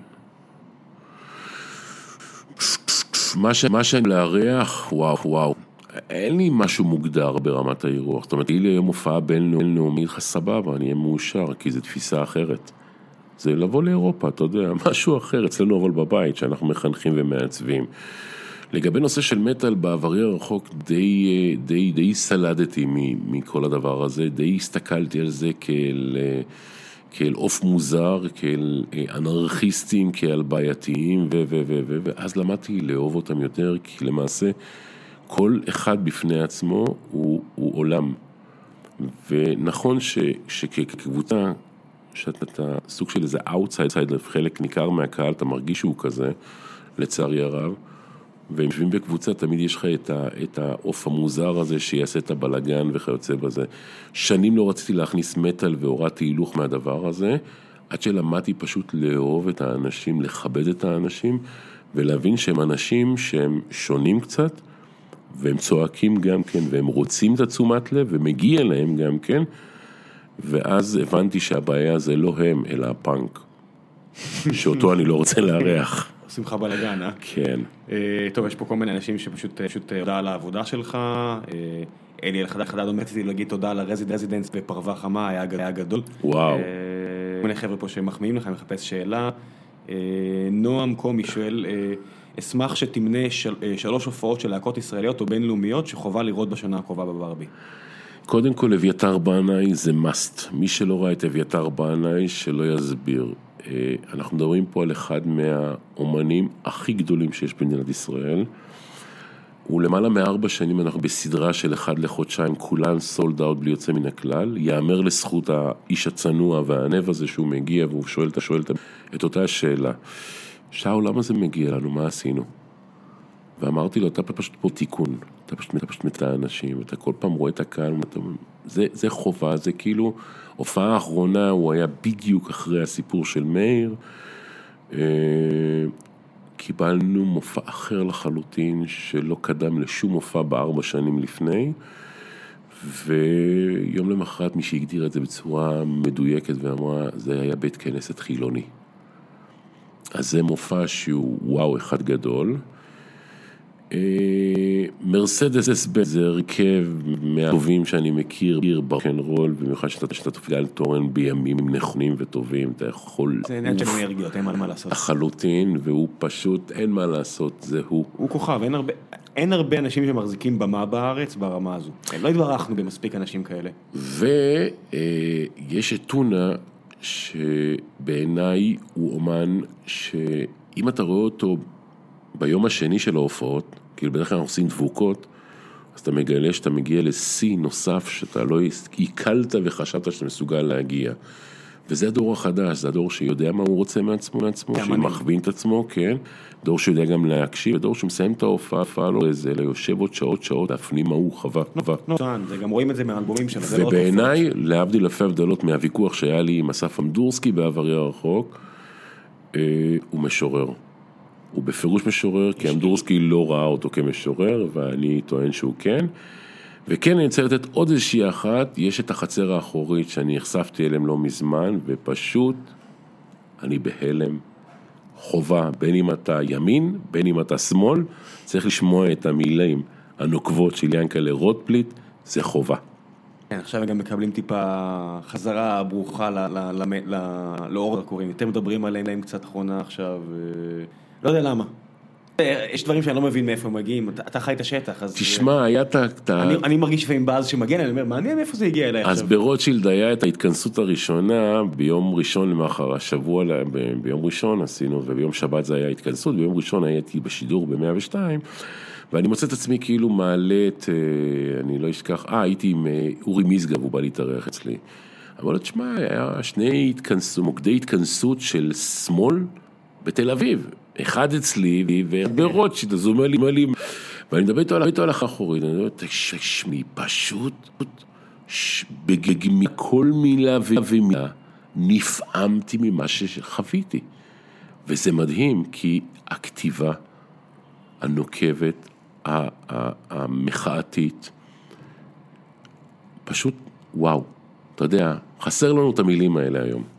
אוקיי, יש פה שאלה אחת קנטרנית, אה, אבל אני אתן הבמה. אה, רוי אורון שואל, אה, מה הולך עם הברבי והשטח של דיור ציבורי במימון כספי ציבור וכל מה שקשור לנדל"ן שם, היה סיפור סביב המועדון? שאלה טובה. לפני 17 שנה... אולי קנטרני זה לא המילה שלי. לא, לא, אבל זו שאלה, שאלה, שאלה, שאלה שאגב יש לה מקום, שתשובה תקבל. לפני 17 שנה שעזבנו את סלמה, חיפשנו מקום והגענו לסלמה, לקיבוץ גלויות למקום. בשנים שהיינו שם הגדלנו את המקום ביחס לקיבולת הקהל, זאת אומרת גדלנו עם הקהל כמו שאומרים, והגענו לחלל שעומד על סדר גודל של 1261 מטר רבוע, נתון מעניין. החללים עצמם הם שני, שני חללים שנמצאים בית מפתח, בית מפתח זה זכות משנה הם למול עמידר. אנחנו כדת ושילמנו ומשלמים את שכר הדירה, מה שהיה צריך להגיע להסדר זה היה למול עמידר ולתת להם אישור. בן אדם שהוא מעל גיל 70-80 והוא פנסיונר והיה שם נגרייה בעבר, יכול היה להזכיר את זה, רק הם לא ביקשו אישור מעמידר. הסיטואציה נוצרה כתוצאה מכך שקיבלנו תביעה על לא חפנו. בגין איזה פלוני אלמוני שלטענתו הוא נפל בשלום חנוך, משהו שאחד מאיתנו לא ראה, ואותו עורך דין, תבע גם אותנו, גם את עמידר, גם את כל העולם ואחותו, ועשה בז מאוד מאוד גדול. גדול. הדבר יצר לנו סוג של כאוס מאוד מאוד גדול, מחד ומאידך יצר סוג של, היי, בוא נבין על מה מדובר. קיבלנו מעמידר מכתב שאומר אה, ש... אה, פסק דין, פסק דין, משהו, כבר שכחתי את השם הזה, ואז כשניסיתי להבין על מה מדובר, הבנתי שאנחנו הולכים לתוך איזה תוהו ובוהו אחד גדול, כי לטענת עמידר פלשנו. הם לא ידעו שאנחנו שם, בעלי הנכס לא טרח להגיד. לא טרחו, כן. מה שהיווה מבחינתנו בעיה. בדרך פגשנו שורונים טובים, ואף חברי כנסת מצוינים שעשו עבודה ברוכה מאחורי הקלעים. תצ'פר, תן, תן שמות. קוראים לו גדעון סער, אם שהרמתי מישהו, אליו. אם מישהו כבר עושה עבודה טובה, לפחות נגיד את המילה. אני, אני שלושה ימים לא ישנתי, ראיתי את מפעל חיי יורד לטמיון, כי לא הבנתי על מה, על מה כל המהומה. כי אתה משלם שכר דירה, הכל בסדר, ופשוט אתה פתאום נהיה פולש. ואחרי שלושה ימים אה, ניסיתי להבין, ואמרו לי שיש משרד עורכי דין שמטפל בזה, והוא, והוא על הנושא זה שרקון, עמית פולק שרק שרקון, אני יודע משהו כזה, שרקון, שרקון. ואמרתי, אוקיי, אוקיי, זה בדיקה, אולי אני אני יכול להגיע. ומנסה להגיע אליו, ואני רואה שבגוגל החבר הכי טוב זה גדעון סער. שלחנו הודעה לגדעון, שהוא הרי בן בית אצלנו, ואומרים לו, גדעון, זה עניין של חיים ומוות. זה היה ביום ראשון, שאול צריך אותך. ישר הוא את ה-SMS, עוד טלפון, מתקשר, אני מגיע ללשכה, אמרתי לו, יש לנו, קיבלנו מעמידר ביום חמישי, פסק דין, דין עצתי או משהו כזה. הוא, כיוון שהוא עורך דין, הוא הבין על מה הוא מדובר. אומר משפטן מבריק. כן. אנשים שהם לא מחובביו הפוליטיים מתאים בכך. בקיצור, ואני מסביר לו מה קרה, והשאלה הראשונה שלו הייתה, תגיד לי, הוא אומר לי, הבנתי, הוא אומר לי, רגע, ואז פתאום אתה שומע אותו בקו, הוא אומר, שרקון, יש לנו פה מישהו משלנו, שצריך את העזרה, תפנה היום זמן ותעזור לו. כאילו, הוא כבר קרא לאן אני הולך, מה הבעיות, ובסוף, אחרי שהוא תיאם לי את הפגישה, ואגב, הם עבדו ללא לאות, והם והם הצליחו להסדיר את זה, אתה יודע, ש... ש... ורק הוא אמר לי, תעשה לי טובה, אם אתה מק- מקבל פעם דבר כזה, אל תעבור סוף שבוע בלי להחליף איתי מילה, כי שום בן אדם בר דעת לא היה עובר את זה. ימים קשים בטח. ימים מאוד מאוד קשים, ואני לא אשכח, ראיתי באותו זמן גם את אהוד בנאי, ואתה יודע, ראיתי אותו ודמעות בעיניים שלי. היה הופעה שלו שם. חשבת שזו אולי הופעה האחרונה? כן, בפירוש ככה. אתה סוג של תהום, אתה יודע. שהוא שר עיר מקלט, אתה אומר, תן לי אחת עכשיו. בקיצור, זה מה שהיה. לימים, אה, דה מרקר עשו מזה סלט שלם, ופמפמו את זה ביתר שאת, והגעתי עד, עד לעץ העורך. אמרתי, אמרתי לו, עם כל הכבוד, אתה עושה לי נזק. הוא אומר לי, תשמע, אם אין לי על עמידר זה לא סקסי, אבל אם ברבי ועמידר זה הכי סקסי, הוא השאיר את זה שלושה ימים בראש. הוא אומר, יש לי כניסות אדירות לדבר הזה. הוא, אחרי שהחלפתי איתו מילה, הוא לא השכיל להבין כמה נזק הוא עשה לי. כן, וזה נזק שנמשך בהרבה מובנים, בהרבה מקומות, שכאילו אתה מקבל לכאורה שרפות, אנחנו... גוגל לא שוכח. אה? גוגל לא שוכח. לא קשור לגוגל, גם פרץ לא בסדר, ואחר כך עשו כתבה בערוץ 2, כי זה מאוד סקסי היה. סמי פרץ היה עורך דה מרקר, מרקר לא עורך, אבל אז נכון. דאז הוא היה עורך דה מרקר. והחלפתי והרמתי את הטלפון, לא, תקשיב, אתה עושה לי נזק. שלימים, אני אספר לך סיפור יותר מזה, זה ש PayPal רצו לעבוד איתנו, והם התחננו לעבוד איתנו. ואמרנו, אוקיי, בואו נבין מה אתם רוצים. והם נפגשו איתנו עשרות פעמים, ו PayPal הרי מעביר לך כסף במיידי. ואז בשלב מסוים הוא אומר, שמע, בעל הבית באירלנד, הוא ישראלי בכלל, הוא טוען שיש לכם בעיה עם עמידר, תנו לנו מסמכים. אמרתי, תקשיב, אין לנו בעיה, כבר פתרנו את זה. והם חוזרים וחוזרים וחוזרים, ובשלב מסוים אמרתי, תקשיב, בדרך כלל אתם מעבירים את הכסף נכון באותו זמן, אל תעבירו את הכסף, תביאו אותי 45 יום. ש- שתהיו בטוח בעצמכם. בסוף, אחרי שהם קיבלו, קיבלו מאיתנו כל מה שרצו, כן, פלוס פלוס פלוס, לא, לא הסכים לחתום להם שהכל בסדר מתוך עניין עקרוני, ואמרתי להם, תקשיבו לי טוב, תלכו מפה, אל תחזרו. אני לא רוצה לעבוד איתכם. אם אם בא לך בדיוק היום דיברנו עם המתחרים שלהם, קוראים להם הדיאן, חברה הולנדית יותר גדולה, תפסו את המקום שלהם, תפאדל, לך על זה, אני יכול לעשות לך את הקשר. אני, אני אשמח מאוד, אין לי בעיה, כי שלהם. הבינלאומי מאוד חסר לו, אנחנו לא מקבלים כרטיסי אשראי בינלאומיים. אז יש חברה בשם הדיאן, אני אשמח אנחנו לעזור. יותר מנשמח, כי, כי אגב, הם, הם, הם פשוט לוקחים עמלות מטורפות, אנחנו יודעים. והם קוראים כולם, וזה ניצול צין, בשלב מסוים אני אמרתי, כאילו, אתם באתם אליי, ובסוף כאילו, על מה? אה, כן, זה בעיה מוכרת, נדבר על זה תכף השידור. אז תודה לאל, כרגע, כרגע, כרגע, אנחנו להערכתנו בעשר שנים הקרובות עדיין שם, אבל אני כן יכול להגיד לך באותה נשימה שאני מספק אם אחרי הברבי הזה אנחנו נרצה להמשיך. מאיזו בחינה? זה יהיה הסוף. מה הכוונה? לא יהיה יותר. למה? כי גבר, אני בן 48, אני כבר עושה את זה 24 שנים, אני מניח שעשר שנים קדימה אני עדיין אעשה את העבודה, אני בואכה גיל 60, זה מה שנקרא מפעל חיים, שאני עובד בו... בו... לא חבל לא לבנות לזה, לזה המשכיות כלשהי? לא, לא, לא, לא, לא, לא, לא, לא. אתה אומר, זה, זה חד פעמי, אתה לא רוצה אולי המשכיות. אני חושב שיש דברים שאתה יודע, צריך לגמור אותם בפיק, בנכון. זאת אומרת, כשיגיע הסוף יגיע ותדע... אנחנו נאבקים, נלחמים, אנחנו שם, אנחנו קוראים את התחת. אבל אנחנו... זה, זה הלוקיישן האחרון. זה לדעתי, זה מה שיקרה, כי, כי בכל זמן שאנחנו נהיה, אנחנו נמשיך להיאבק ולהילחם לטובת הציבור. יש פה שאלה של אה, תמיר מאירי ששואל, אה, למה פרט לברבי אין ממש מועדון הופעות קלאסי אחר בארץ? הוא מדבר פה על המתחרים שלך, חברים שלך, ולמה בעצם זה לא מועדון ורק, אה, ורק אתם בעצם כן עונים להגדרה הזו. בוא נשאל שאלה להפוך כשאלה. למה לא פתחנו עוד ברבים? אז שאלו גם על זה, על ברבי כפר סבא. יש אז פה... היה, אז היה, אז היה. אגב, ברבי כפר סבא היה ברבי שהוא היה מאוד, הוא היה רווחי. רק שבשלב מסוים נפלתי עם שותפים שעשו לי נזק ולקחו את הרגליים באישון ליל וחתכו משם. שלימים טבענו וגם ניצחנו, אבל אי אפשר היה להפעיל את העסק הזה כי הוא היה בין שמיים לארץ. אבל אה, אין, אין מקום לעוד ברבי מסיבה מאוד פשוטה. לצערי הרב אנחנו חיים בשוק של הרבה מאוד עסקנים, בהרבה מאוד קומבינות. תעשיית המוזיקה לא תתפתח זמן שהעסקנות תהיה שנקרא נר לרגליה. לצערי הרב הפרעות הן תן וקח ופחות מה נכון ומה לא נכון. וכל זמן שהאומנים לא ייקחו אחריות לגורלם, סבבה, ואומנים לא לוקחים לצערי הרב.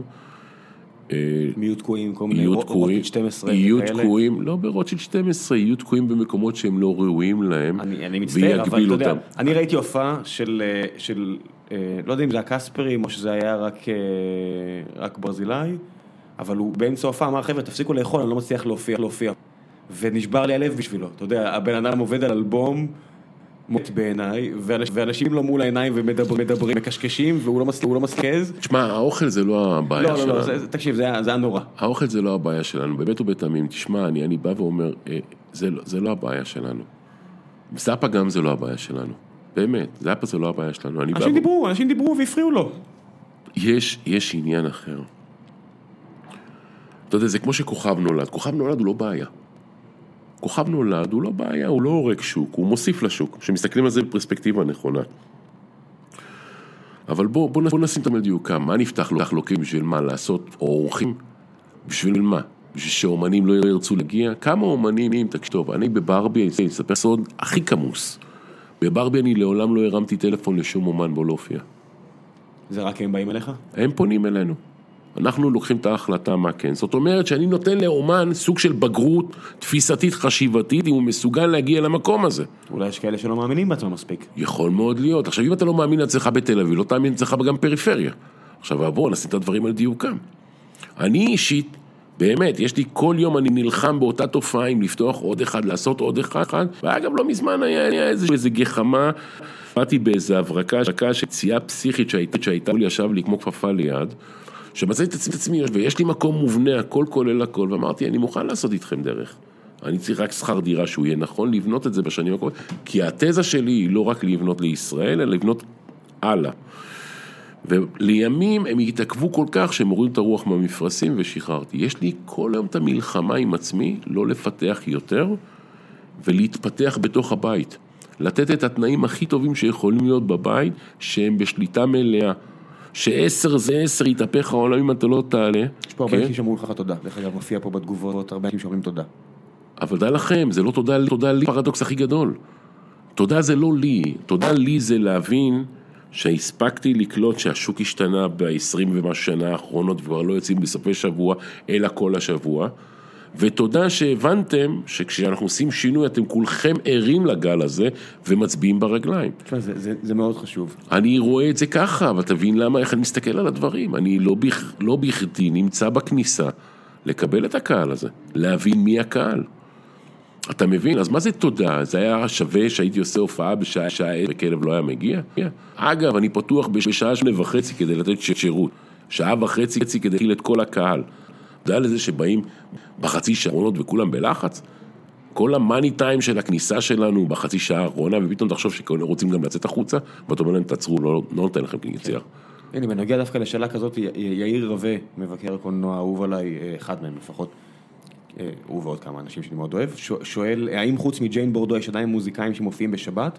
עד כמה קשה נהיה לקבוע הופעות בערב שבת, ועד כמה זה מזיז לך בכלל? קודם כל זה הולך ומתמעט. מופעים אה, בשישי.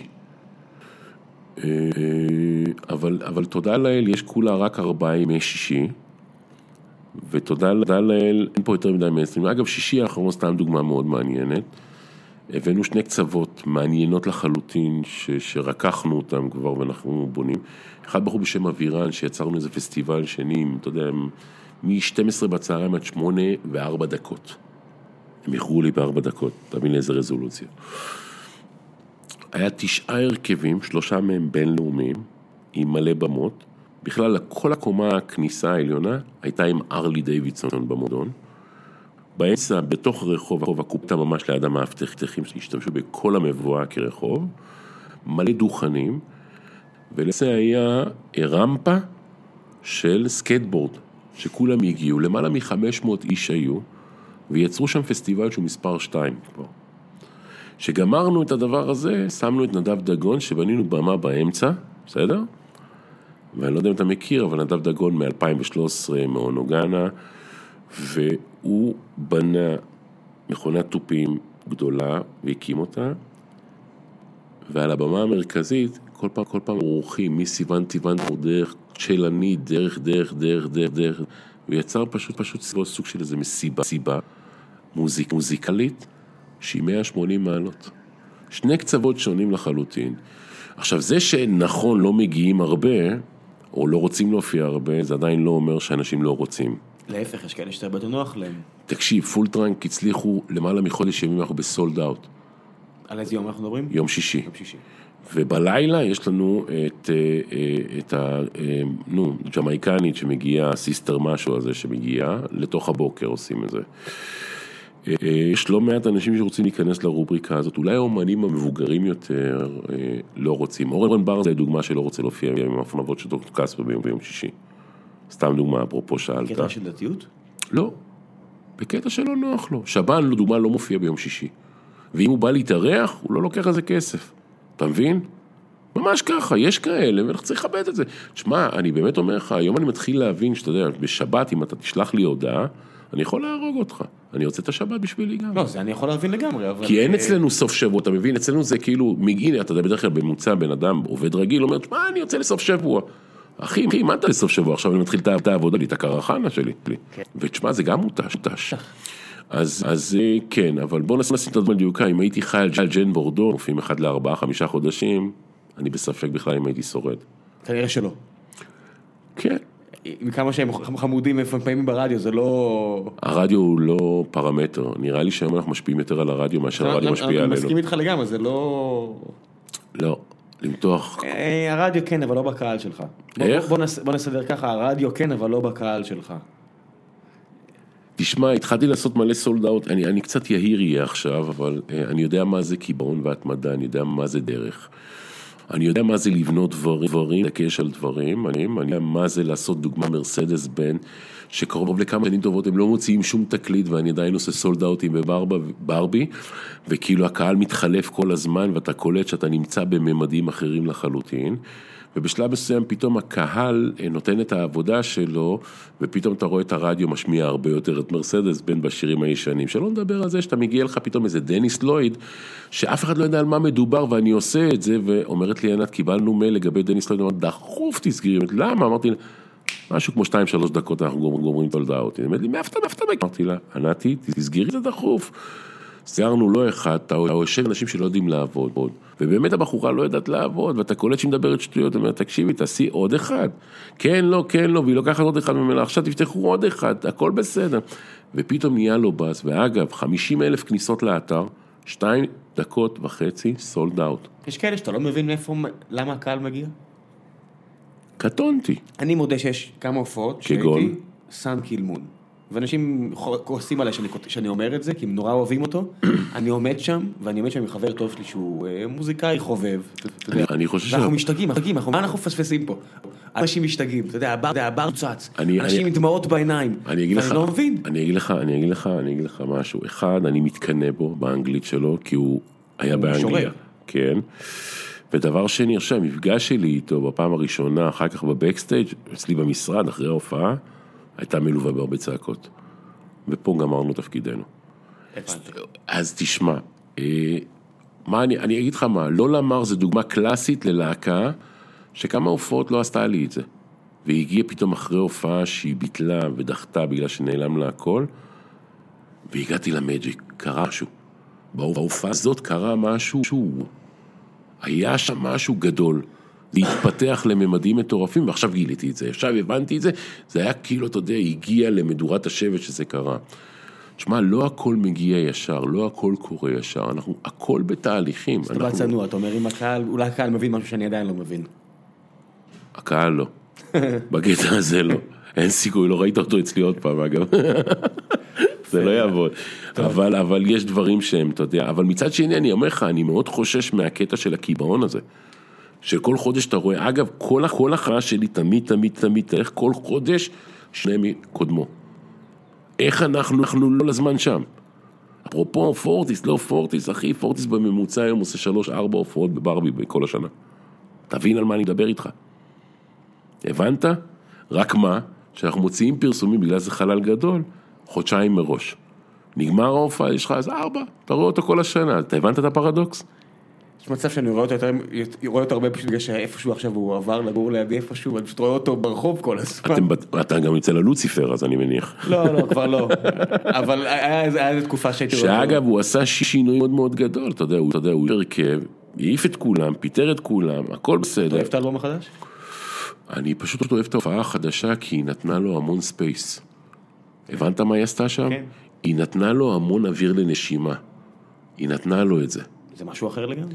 יש, אתה מה זה יודע. אחר לגמרי? זה ממשיך את הקו הזה של החבר ואני, ושל כל האלבומים האלה, שזה הוא עדיין, החדש. הוא עדיין יוצר, יוצר טוב, אתה מה זה יודע. עדיין יוצר? הוא יוצר ענק. יפה, הוא עדיין יוצר ויוצר טוב עכשיו, נכון. שתקשיב שהאומנים בסדרי גודל שלו לא מצליחים להביא כלום וכלום. מה, חבר ואני זה אלבום ענק, אני לא... גבר, יש פה אומנים שאנחנו בעלי שם, שעם כל הכבוד, באמת ובתתמים.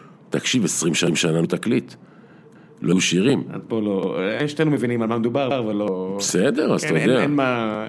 ואפילו מה, והם גם יודעים את זה. אגב, זו דוגמה קלאסית, איפה הילד זכו לביקורות מצוינות בתקשורת לגבי האלבום האחרון שלהם. הם היו מאוד מתוסכלים מההיענות של הרדיו.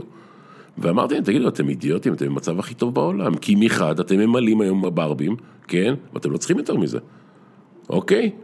אתם עכשיו רוצים לוותר על משהו שהשגתם בכיתות רגליים? אתה יודע, זה משהו שהוא לא ברור לי. אבל הם הגיעו מתקופה אחרת.